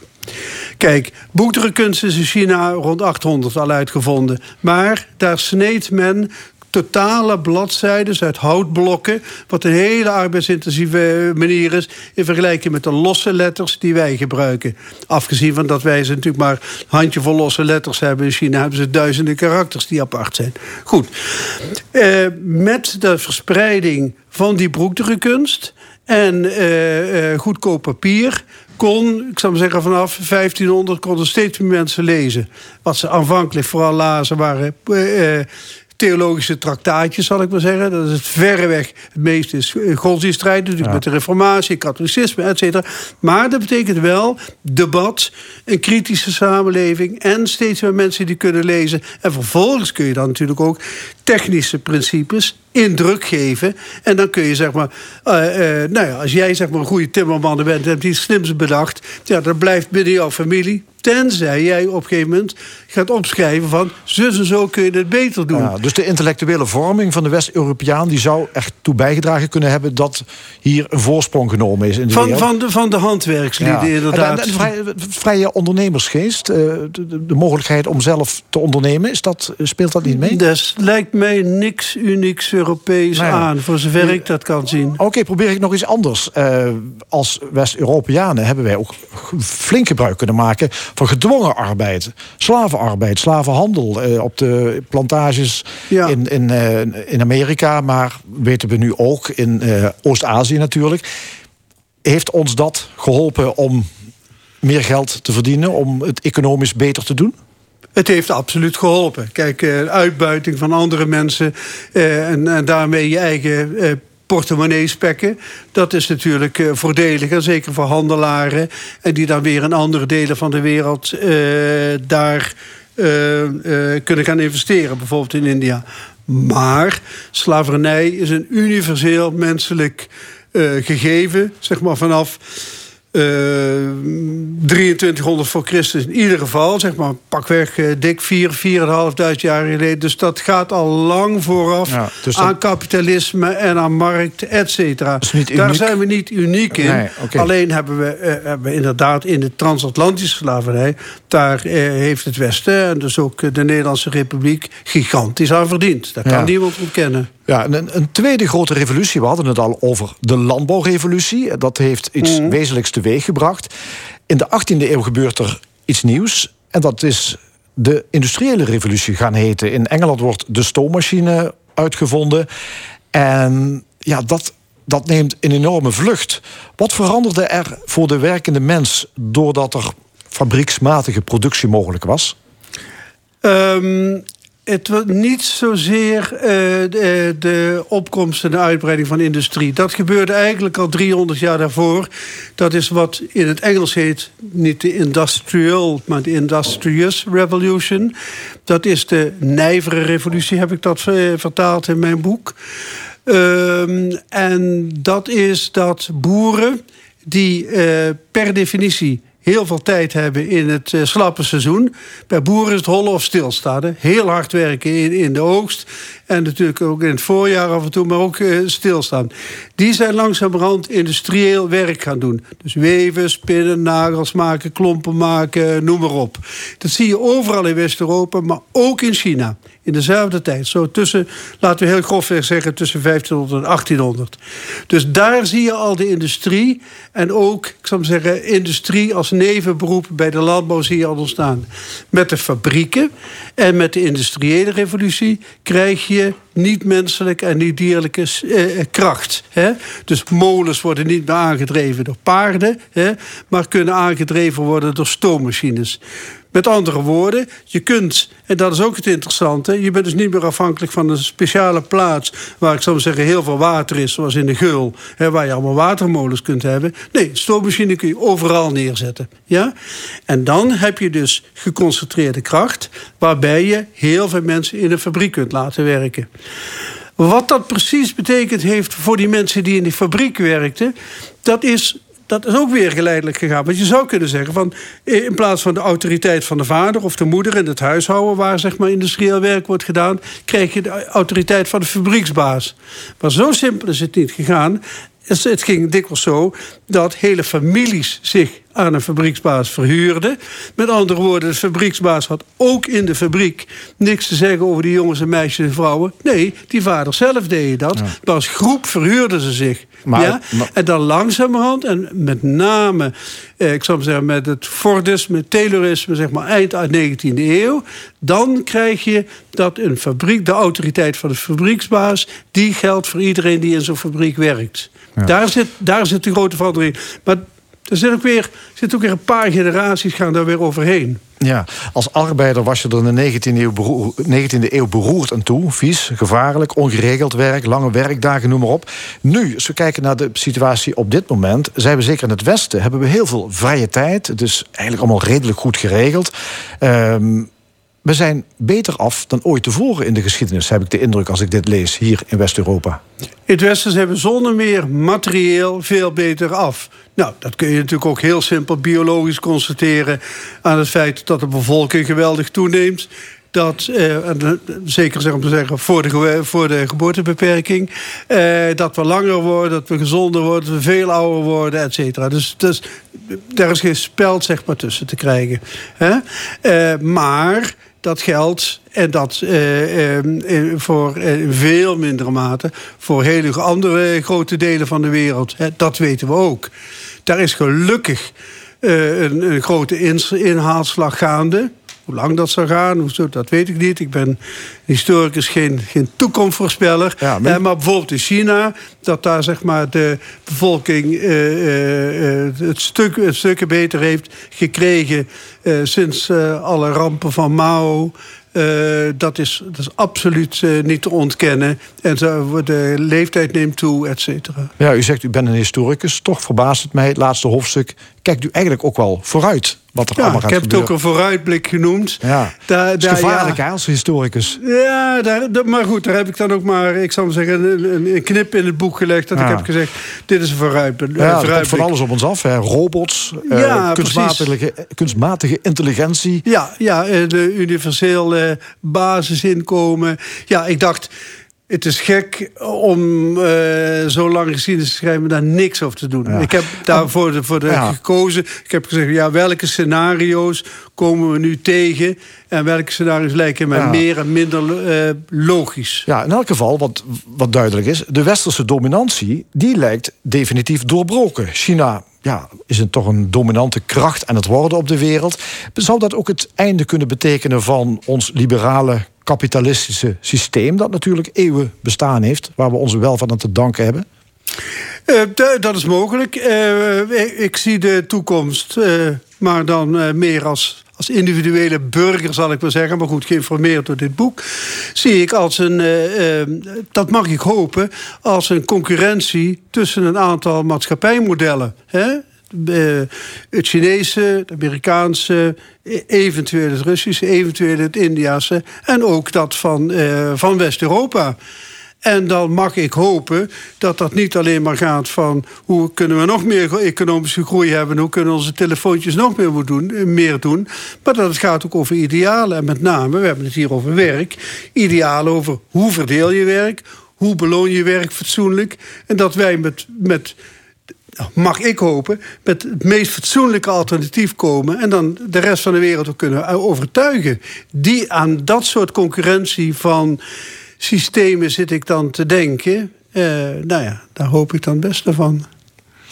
Oké, nou je werken doen we niet alleen uit noodzaak... maar ook om er iets eh, moois van te maken. En dat, eh, dat is dan hier, denk ik, deze historicus gelukt, vindt hij zelf, met dit boek. Ik ben uiteraard blij dat dat eh, boek klaar is. En het is eigenlijk het boek wat ik altijd had willen lezen... en wat er niet bestond en wat ik toen maar zelf heb geschreven. Dus ik ben een blije lezer en ik hoop dat er heel veel bij komen. Oké, dank u wel, Jan Lucas. Eh, Ik noem nog een keer de titel van het boek... De wereld aan het werk, van de prehistorie tot nu. En te koop in de boekhandel. Dank je wel.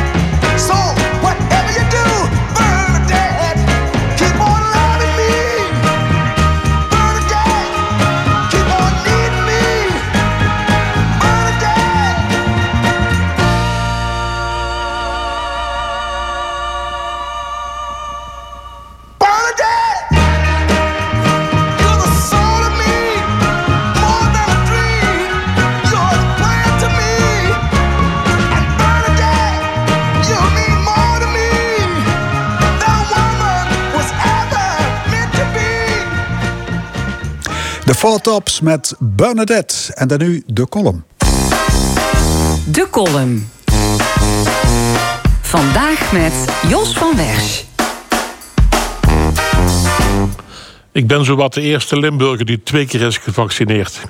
Gisteren heb ik bij de huisarts de griepspuit in mijn linkerarm... en de pneumokokspuit in mijn rechterarm laten zetten. En reken maar dat de eerste booster ook mijn kant op komt. Nu is de vraag wanneer komt er een vaccin tegen bange burgemeesters... Antoine Scholte uit Venlo vertelde manmoedig aan L1... waarom hij de 11e van de 11e in Roermond had afgelast. Verstandige man, dacht ik. Dat viel tegen. Want het concert van Rowenhuizen afblazen... met 8000 waaghalzen in een biertent... zoveel guts had Scholte nu ook weer niet. Laat staan zijn collega Rian Palme uit Horst aan de Maas...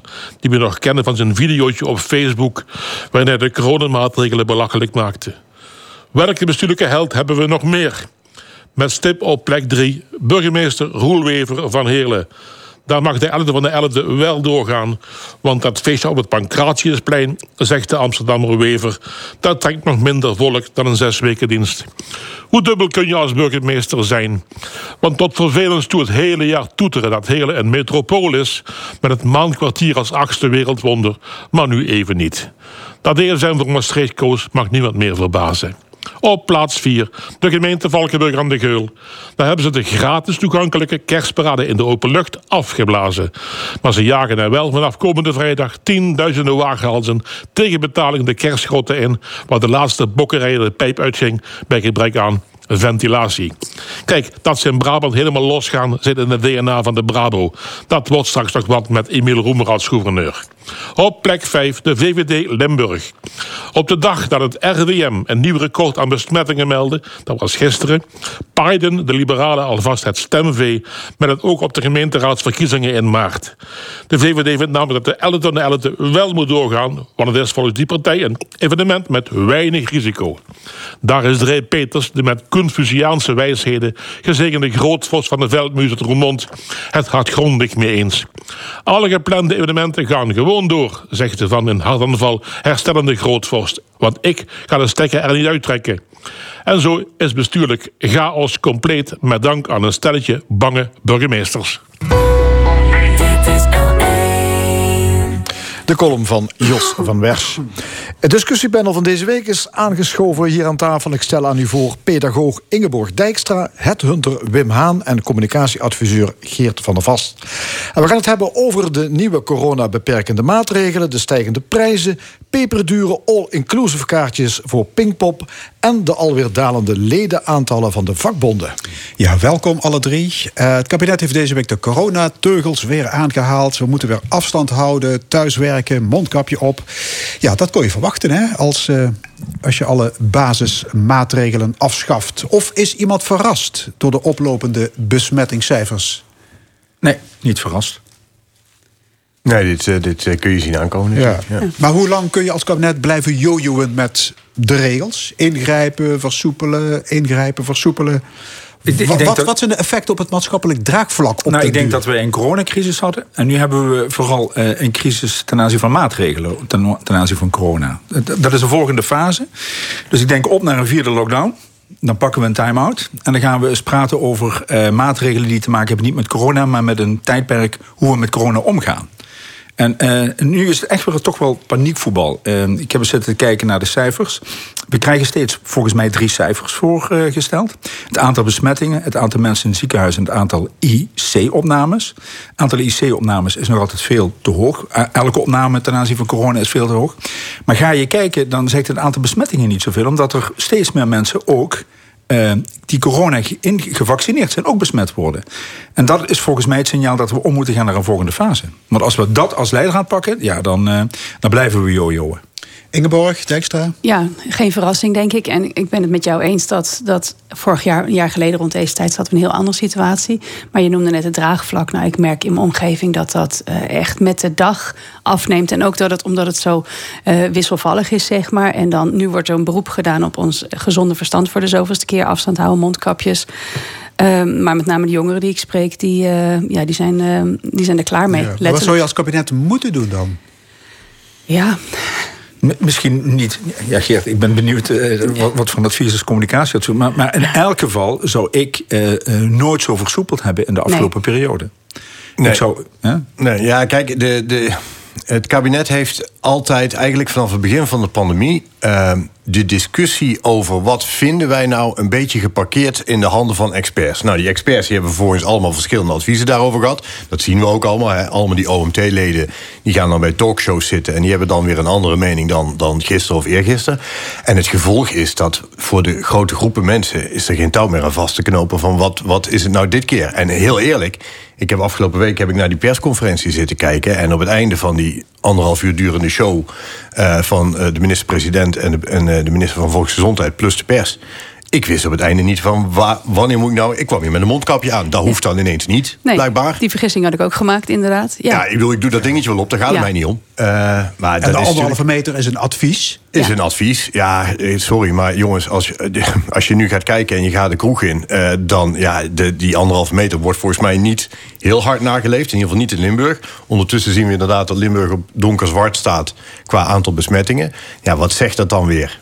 Eh, als je eh, de IC's of als de ziekenhuizen niet volgen. Ik vind het een hele lastige discussie, maar het is vooral onafvolgbaar. Ja, even een eigen provincie. Eh, de veiligheidsregio Limburg-Noord heeft de opening van het carnavalseizoen geblokkeerd. Hè, dus geen groot feest op de 11e van de 11e in Roermond. Terecht? Ja. Ja, lijkt mij wel. Dat is in ieder geval ook een duidelijk signaal. Ja. Ja, het kan nu ook niet Nee. anders, gezien de bezetting van ziekenhuizen. En op het moment dat je mensen hebt die, die een hartaanval krijgen of kanker hebben en die geopereerd moeten worden en die zouden geen plek hebben vanwege bezetting van corona, ja, dan kun je er niet onderuit komen om maatregelen te nemen. Ja, Volgens mij en- maar de slotconcerten Vrouwen Herzen dit weekend. Twee concerten in een tent met 8000 bezoekers per keer. Die zijn wel toegestaan. Kan iemand dat uitleggen? Nou ja, de, het is, de, de toestemming was gegeven voordat eh, de maatregelen ingingen. Dus daar zat natuurlijk, dat is altijd zo. Er worden nieuwe maatregelen aangekondigd. Daar zitten altijd een paar dagen tussen. En zij hadden dan het geluk, eh, in, eh, als je als organisatie spreekt, denk ik dan. Eh, ik denk daar zelf wat anders over, dat dat dus nog wel als mocht. De, als de zanger op de valreep ziek wordt, wordt de boel ook afgelast. Ja, dat klopt. Maar, maar goed, het mocht. En ja, die hebben dat, dat randje opgezocht. Ik denk voor de beeldvorming is het heel ingewikkeld. Ik moest eigenlijk denken aan ja, wat we vorig jaar hadden. Dat, dat wij niet op vakantie mochten. En de koning ging wel, weet je wel. Wettelijk gezien was dat misschien juist volgens de regels. Ja. Maar qua beeldvorming was dat niet handig. En dat vind ik met dit en ook. in Zuid-Limburg mag alles doorgaan. Want de richtlijnen van het kabinet worden gewoon opgevolgd, wordt Ja. gezegd. Ja. Moet, er, moet er eigenlijk niet één lijn worden getrokken? Ja, dat is natuurlijk het aller, allermakkelijkste en het allerbelangrijkste om één lijn te... Van, vandaar misschien wel op naar de vierde lockdown. Dan kun je duidelijke maatregelen neerzetten. En of dat nou een lockdown of moet zijn of niet, of iets dergelijks. Maar niemand met adviezen. Maar je zou echt moeten kijken van... we gaan nu naar de laatste fase toe van hoe het momenteel gaat. En we sorteren voor op een aanpak hoe die hierna plaatsvindt. En dan gaan we maar eens kijken naar bijvoorbeeld een land als Portugal... dat het uitstekend doet, waar eh, veel meer volkzaamheid plaatsvindt... waar mondkapjes door bijna iedereen normaal gedragen wordt. Ook al werkt het niet. Maar het heeft een ander, een ander effect. En ik verwacht iets van de carnaval. Niet 11 voor 11, maar 2 voor 12. Maak daar nou... Nee, laat carnaval ook eens een ander initiatief nemen dan, dan zeggen van... ja, helaas, het gaat niet door en we, we, we, we, we kunnen iets niet doen. Wat kunnen we wel nog doen? Bij wijze van spreken. Daar is carnaval, vind ik, uitstekend voor geschikt in Limburg. Geert van der Vast? Ja, we voelen allemaal de pijn. Ook als je dat gaat over Rowan of over carnaval. Ik heb dat zelf ook echt heel erg. Dat je denkt van ja. Jongens, weet je, je wil zo graag weer. Hè? Je wil weer naar dat festival, je wil weer carnaval vieren. Voor mij is carnaval niet eens zozeer dat je met z'n allen hutje-mutje in de kroeg staat. Voor mij is carnaval een gelegenheid om mensen weer eens tegen te komen uit het dorp die je misschien al een jaar niet meer gezien hebt. En waar je gewoon weer eens even gezellig mee bijpraat. En, en die behoefte voelen we allemaal. Nou, vervolgens, op het moment dat dat niet mag, om welke goede reden dan ook. Is het heel logisch dat je gaat kijken naar inconsequenties. Van ja, maar je mag wel gaan skiën in, in Oostenrijk. En dan zit je met z'n allen in een liftje. En dan ga je zoeken naar. Of je gaat mensen de schuld ervan geven omdat ze niet gevaccineerd zijn of weet ik veel wat. En dat leidt weer allemaal tot boosheid en polarisatie. En ik vind dat best een hele ingewikkelde. eh, even los van mijn persoonlijke mening. Die, de, in de samenleving merk je dus die. Ja, die, die, die, die uit elkaar trekken van, van al die meningen. En die, die, iedereen is boos op elkaar. En daar maak ik me eigenlijk nog het meeste zorgen om. Ook Ja, al vind ik zelf dat iedereen zich zou moeten inenten. Het kabinet dus werkt ook, aan een wetswijziging om de coronapas uit te breiden. Hè, die gaat dan ook gelden voor toegang tot het werk, toegang tot winkels. Eh, worden niet gevaccineerden op die manie- manier het leven niet wel erg zuur gemaakt? Ja, je komt net met een voorbeeld van Portugal. Kijk, eh, ik word er ook wel blij van als je leest dat er 98% ge- gevaccineerd is. Maar vraag niet de manier waarop ze dat gedaan hebben. Want als ik een reconstructie in de krant mag geloven, dan is daar gewoon een of andere generaal aangesteld. En die is al die deuren langs gegaan en die heeft tegen de mensen gezegd: hier is eh, vaccinatie. En wij nu discussie daarover. Ja, ik denk dat dat in Nederland best wel een hele ingewikkelde exercitie zou worden als je dat zou willen doen staat tegenover dat ze wel 98% vaccinatie hebben. Ja, dan is dus de vraag, en dat is echt een politieke vraag... die je niet in handen van experts kunt leggen. Maar gewoon, nou ja, we hebben net gehoord over bange politici. Dit is, dan moet je karakter tonen. Of je zegt, wij willen hè, vaccinatiedwang... à la zoals eh, Hugo de Jonge dat afgelopen week een beetje ophinten... Of je zegt, ja jongens, vrijheid, blijheid. Maar dan is de consequentie heel veel lockdowns. Ja, polderen, polderen, polderen. Ja, in plaats van actie, actie, actie. Maar dit is een politieke keuze. Ja, nou ja, ik, ik vind het ook wat jij net al zei. Van die, die tweedeling in de maatschappij wordt met eh, de keer dat we hier aan tafel zitten, wordt die groter. Wordt heel ingewikkeld, ook wel grimmig. Eh, dat zie je als je in, in de kroeg bent. Zoals vrijdag zat ik er ook. Dan mensen die niet binnen mogen komen, terwijl toch proberen, terwijl ze weten eh, wat de regels zijn. Heel, en ook weldenkende mensen. Dat zijn niet alleen maar nog die paar. Die groep wordt groter. Maar ja, er is een consequentie. Als je niet wil vaccineren, ik denk dan ook van daar is het een gevolg aan. Alleen die, ja, we willen niet naar een maatschappij waarin de niet gevaccineerden echt geen kant meer op kunnen. En daarom zou ik zeggen, zolang dat testen gratis is, maar ik hoorde ook partijen zeggen van ja, daar moeten ze op een gegeven moment maar voor gaan betalen. Nou, dat vind ik dus echt niet oké, want dan krijg je echt meer eh, dwang en drang. En er zit natuurlijk één letter verschil tussen. Maar gevoelsmatig zeg ik nee.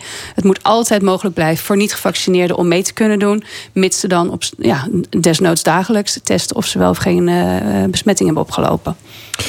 Iets anders. De prijzen in de winkel blijven stijgen. Voedsel, verzorgingsproducten, maar ook het gas. Ehm, echt alles wat duurder. We betalen dit jaar al 3,6% meer in de winkel voor onze boodschappen. Hebben jullie de indruk dat mensen in de problemen gaan komen? Of misschien al zijn, door de prijsstijgingen? Ja, dat zeker. Absoluut. Ja. En zeker alleen al die energierekening. Ik weet niet of. Ik, ik kreeg laatst, eh, toevallig had ik de pech dat mijn energiecontract afliep. Nou, dan krijg je die nieuwe gasvoorschotten. Daar word je niet blij van hoor. Nee, dat gaat echt om honderden euro's. Echt serieuze Per bedragen. maand. Ja. Ja. Ja. Nee, daar gaan zeker mensen door in de problemen komen. Ja. Ja, en dan komt er meteen een overheid die helpt en die iets toezegt. hè, En, eh, en, maar het, het- ja, natuurlijk komen we in de problemen. En natuurlijk is gas eh, en, en een warm huis en elektriciteit van belang.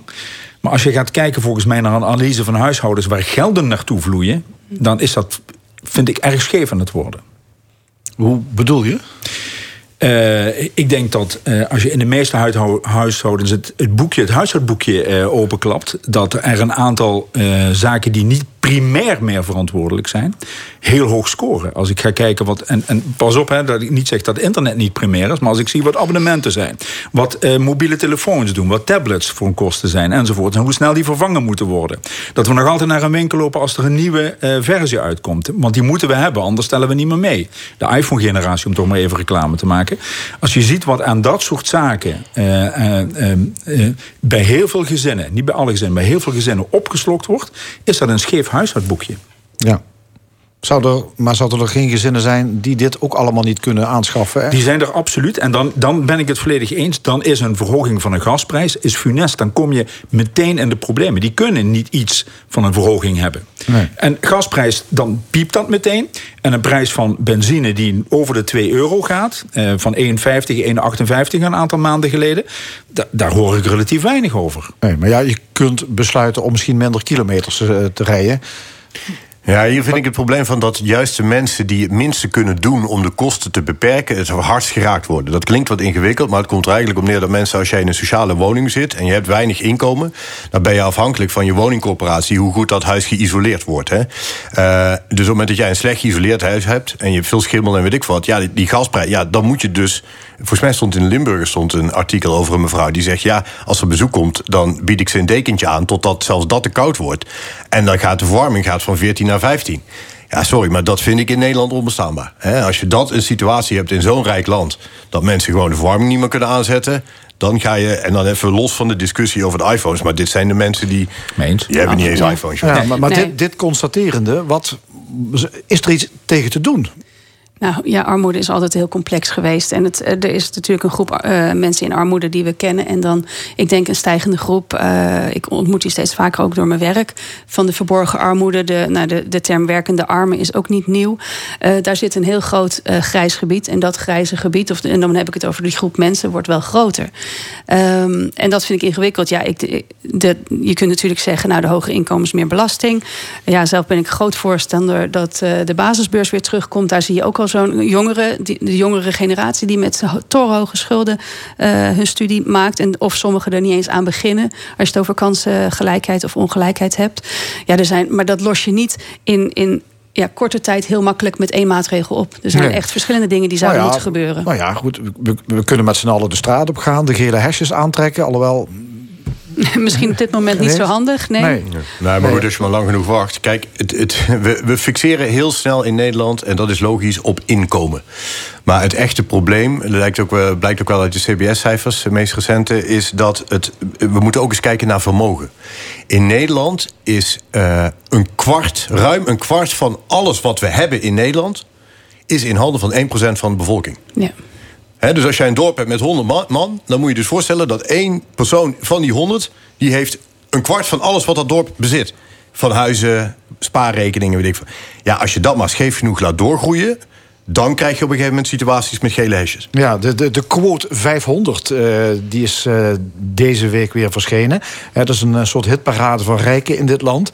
En daar kun je inderdaad zien dat Nederland nooit eerder zoveel miljardairs stelde. Miljardairs, hè? Ja. Zijn Ja. er inmiddels 45. Ja, en als je kijkt naar het inkomen van die mensen, is dat heel netjes. Dat valt dan helemaal niet op. Eh, want dat, dat wordt dan via allerlei bedrijfsconstructies... wordt dat natuurlijk op een bepaalde manier opgelost. Eh, maar als je kijkt naar het vermogen, dus gewoon wat hebben zij... ja, en die gaan huizen kopen. En dan krijg je dus een scheef situatie. En die is echt onhoudbaar. Dat iemand met een fulltime baan... Hè, de werkende armen werd net genoemd... iemand met een fulltime baan, twee mensen met een fulltime baan... geen gewoon huis kunnen kopen. Omdat die opgekocht zijn door mensen met veel meer geld. Ja, dus belasten die, die vermogens? Nou, meer belasten? Volgens mij is de, de, de, de aankomende maatregel om eens te kijken dat er een veel meer gelijkwaardige en evenredige belastingstelsel gaat plaatsvinden. Want het, nu wordt wel heel veel, dan ben ik met Geert eens, op de werkende afgewenteld. De werkende is wel een beetje de melkkoe van de belastingen. Eh, terwijl, eh, eh, noem maar, maar even, een aantal vermogenden prima volgens de wet toestaanbare regelingen hebben om belastingen op een bepaalde manier eh, eh, goed te hanteren. Ik zeg niet zeggen te ontduiken, maar goed te hanteren. En daar mag je gaan kijken. Dus volgens mij is box 2 eh, uit en boze. En kun je veel meer een gelijkwaardige belasting pakken op, op, op dat soort zaken. Daar zou gekeken naar moeten worden. En dat ligt aan, volgens mij aan een nieuw kabinet. Waarin partijen elkaar daar maar eens moeten zien te vinden. Ja. en alles is een businessmodel geworden. Hè? Alles wordt wel een businessmodel. Energie is een businessmodel geworden. Jij zegt net, hè, ik, ben, ik, ik zit net in de omstandigheid dat mijn contract afloopt. Maar heel veel mensen hebben enorm steeds zitten te kijken naar de goedkoopste en de overstappremie. Als je maar overstapte in de energie, dan had jij had je een goede regeling. Dan kon je een lange neus trekken naar mensen die vijf jaar vast zaten. En de mensen die nu vijf jaar vastzitten met een hele lage, die trekken nu een lange neus naar mensen die niet voor dat businessmodel gekozen hebben. Dus alles, jeugdzorg is een businessmodel geworden. Dus er verdienen heel veel partijen, terwijl het niet bestemd is voor dat soort zaken. Ik zou er helemaal niet op tegen zijn dat gas, aantal nutsvoorzieningen, gewoon weer gedegen bij een overheid ligt. Ik hoef niet te, te goochelen, voor- wat is mijn gas, bij wijze van spreken, als maar geregeld wordt. Terug naar het oude Lima-gas, ja. bijvoorbeeld. En de plan. Meteen voor. Ja. Ja. Ja. Ja. Opvallend is trouwens dat de meeste rijken... die lijken ook niet meer schuw om hun gegevens eh, te delen. Bijvoorbeeld met, met quote, hè, voor die quote 500. Rijk zijn eh, mag en kan blijkbaar. Ze zijn er eh, trots op. Hè. Dus eh, is er iets veranderd in Nederland? Want dit was in het verleden mm, ja, niet zo bon ton in Nederland... dat je te koop liep met je vermogen.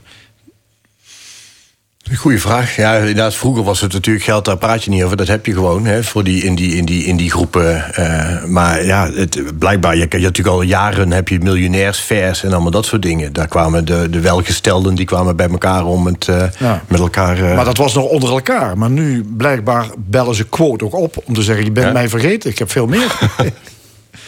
Ja, volgens mij is dat wat ik zeg. Het is echt niet hanteerbaar op het moment dat je tegelijkertijd groeiende groepen mensen hebt die nog geen huis kunnen kopen. Of die gewoon überhaupt nergens kunnen wonen of de gasrekening niet kunnen betalen. Maar het past een beetje bij de sfeer dat je vooral moet laten zien dat je succesvol bent.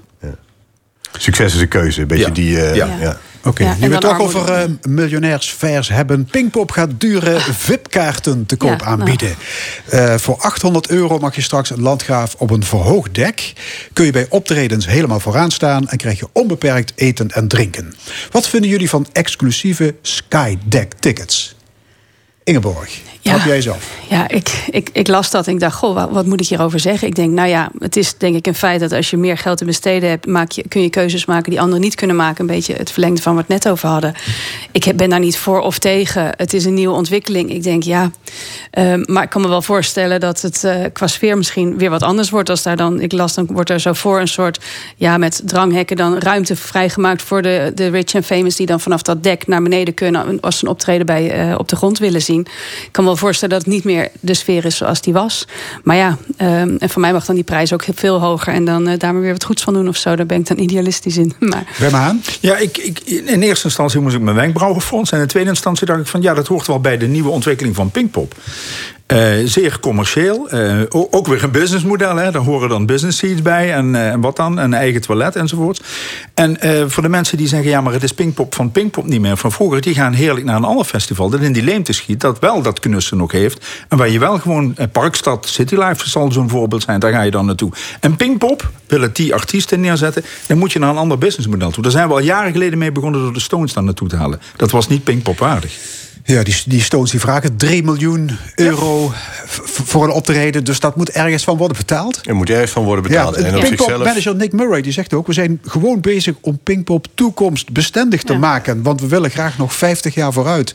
Dus dit is gewoon een nieuw verdienmodel. Ik denk het wel, want je ziet het ook. Kijk, het, is, overal gebruikelijk. Hè? Of het nou bij voetbal zit, bij de business seats. En heel veel van die eh, kaarten worden niet gekocht door rijke particulieren... maar vooral door eh, eh, hoe heet het, bedrijven die hun klanten een cadeautje willen geven.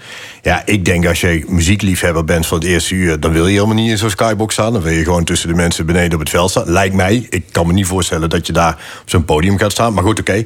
Eh, als Pinkpop daarmee... Kijk, eh, het is hetzelfde als die first class eh, stoelen in de, in, de, in de vliegtuigen. Daar worden de, heel veel economy kaarten goedkoper mee gehouden. Op het moment dat de artiesten beter worden... door een paar bobo's op een podium... ja, nou ja, volgens mij prima, lijkt mij. Nee, oké, maar tot nu toe was Pinkpop, eh, laat ik zeggen, voor iedereen gelijk. Rijk, arm, je kreeg hetzelfde kaartje. En nu Ja, je komen neemt- er VIP-arrangementen voor mensen met een, met een dikke beurs. Dit is niet bepaald rock and roll. Nee, je, je neemt wel een bepaalde afslag. En ik snap best de, de, dat daar wat emoties bij gepaard gaan.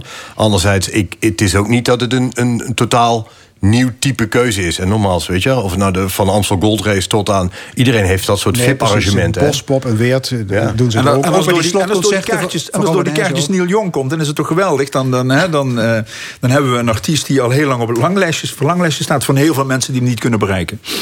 Ja, en ik denk, nogmaals, ik denk dat de echte muziekliefhebber... gewoon normale kaartjes koopt en vooraan op dat, op dat veld gaat staan. Tenminste, dat lijkt mij het allerleukste.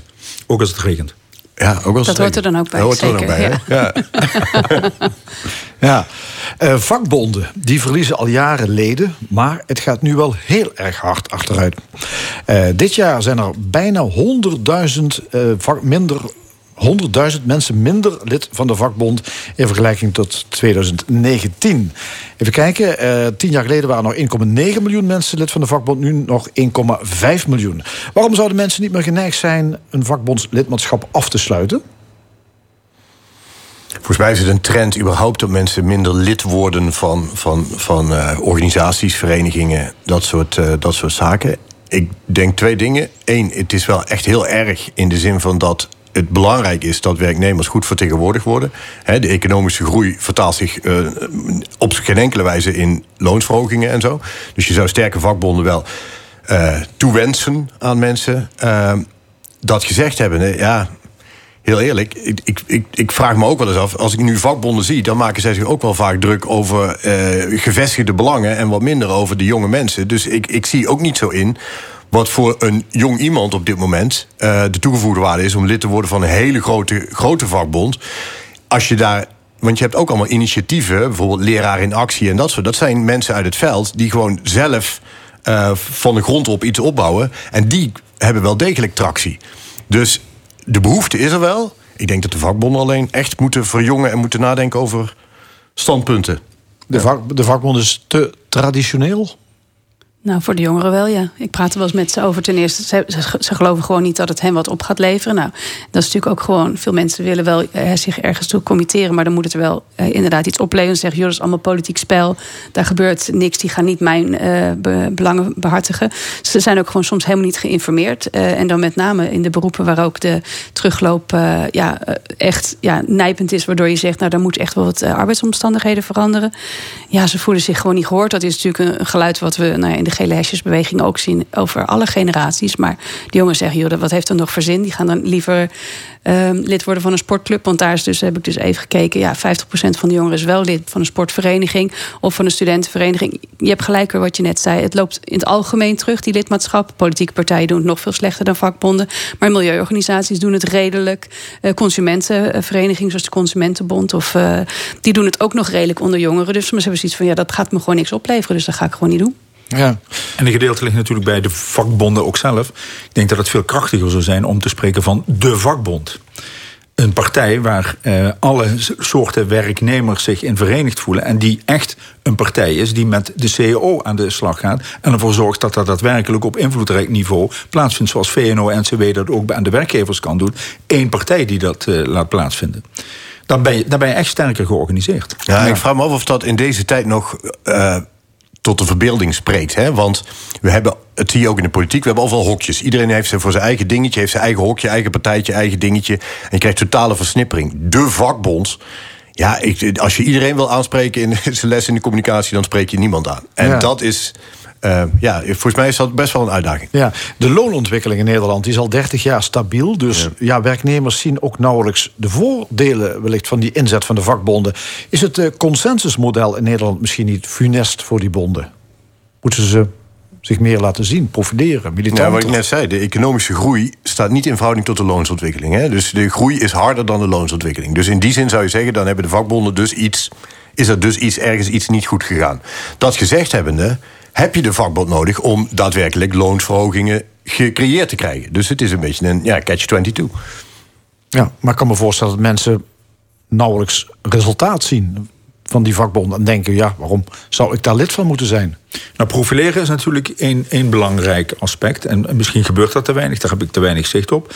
Ik, ik blijf in tegenstelling tot Geer wel geloven in een hele stevige vakbond... die partij is op een aantal arbeidsvoorwaardelijke zaken. En werkgevers zullen zeggen, doordat wij die loonmatiging hebben... hebben wij zoveel economische groei, bij wijze van spreken. Dat is de andere kant van het verhaal. Maar eh, ik, ik ben heel benieuwd wat het komende jaar gaat plaatsvinden... als, als echt inflatie doorzet. Want dan moet, dan moet ook iets met lonen gebeuren. Ja, met de prijsstijgingen waar we het net over hadden... dat roept natuurlijk ook eh, tot, wellicht tot hogere lonen. Tot Wellicht. eisen. Wellicht. Politiek antwoord. Wellicht. Wellicht. maar is het belangrijk om lid te worden van een vakbond? Ja, ik denk dat... Zeker, dat ja, ja. Ik, ja, Ja, ik ben lid van een vakbond, want ik vind het heel belangrijk. Ja, maar ik snap ook dat mensen denken van... ja, wat, waarom zou ik het doen? Hè, Nee, dus- maar vraag eens een twintiger en die kijk je met glazen ogen Ja. Omgekeerd, waarom ben je bewust lid van de vakbond? Omdat ik net zeg, ik denk dat het heel belangrijk is dat je vertegenwoordiging van het geluid van de werknemer in de eh, onderhandelingen met cao's en, en sociale plannen en allemaal dat soort dingen hebt. Dus ik Ja. vind het heel belangrijk ook, en ik vind het ook niet erg om bij te dragen aan nou, stakingspotjes en dat soort zaken, die misschien niet voor mij zijn, maar voor anderen. Hartelijk dank. Discussiepanel vandaag met Geert van der Varst, Wim Haan en Ingeborg Dijkstra. En dit was de stemming vandaag gemaakt door Erwin Jacob, Angel Zwaars, Fons Geraerts en Frank Ruber. Graag tot volgende week zondag, 11 uur. Dit programma wordt herhaald morgenavond om 8 uur. Dus ook te beluisteren via onze website l1.nl. Nog een hele mooie zondag.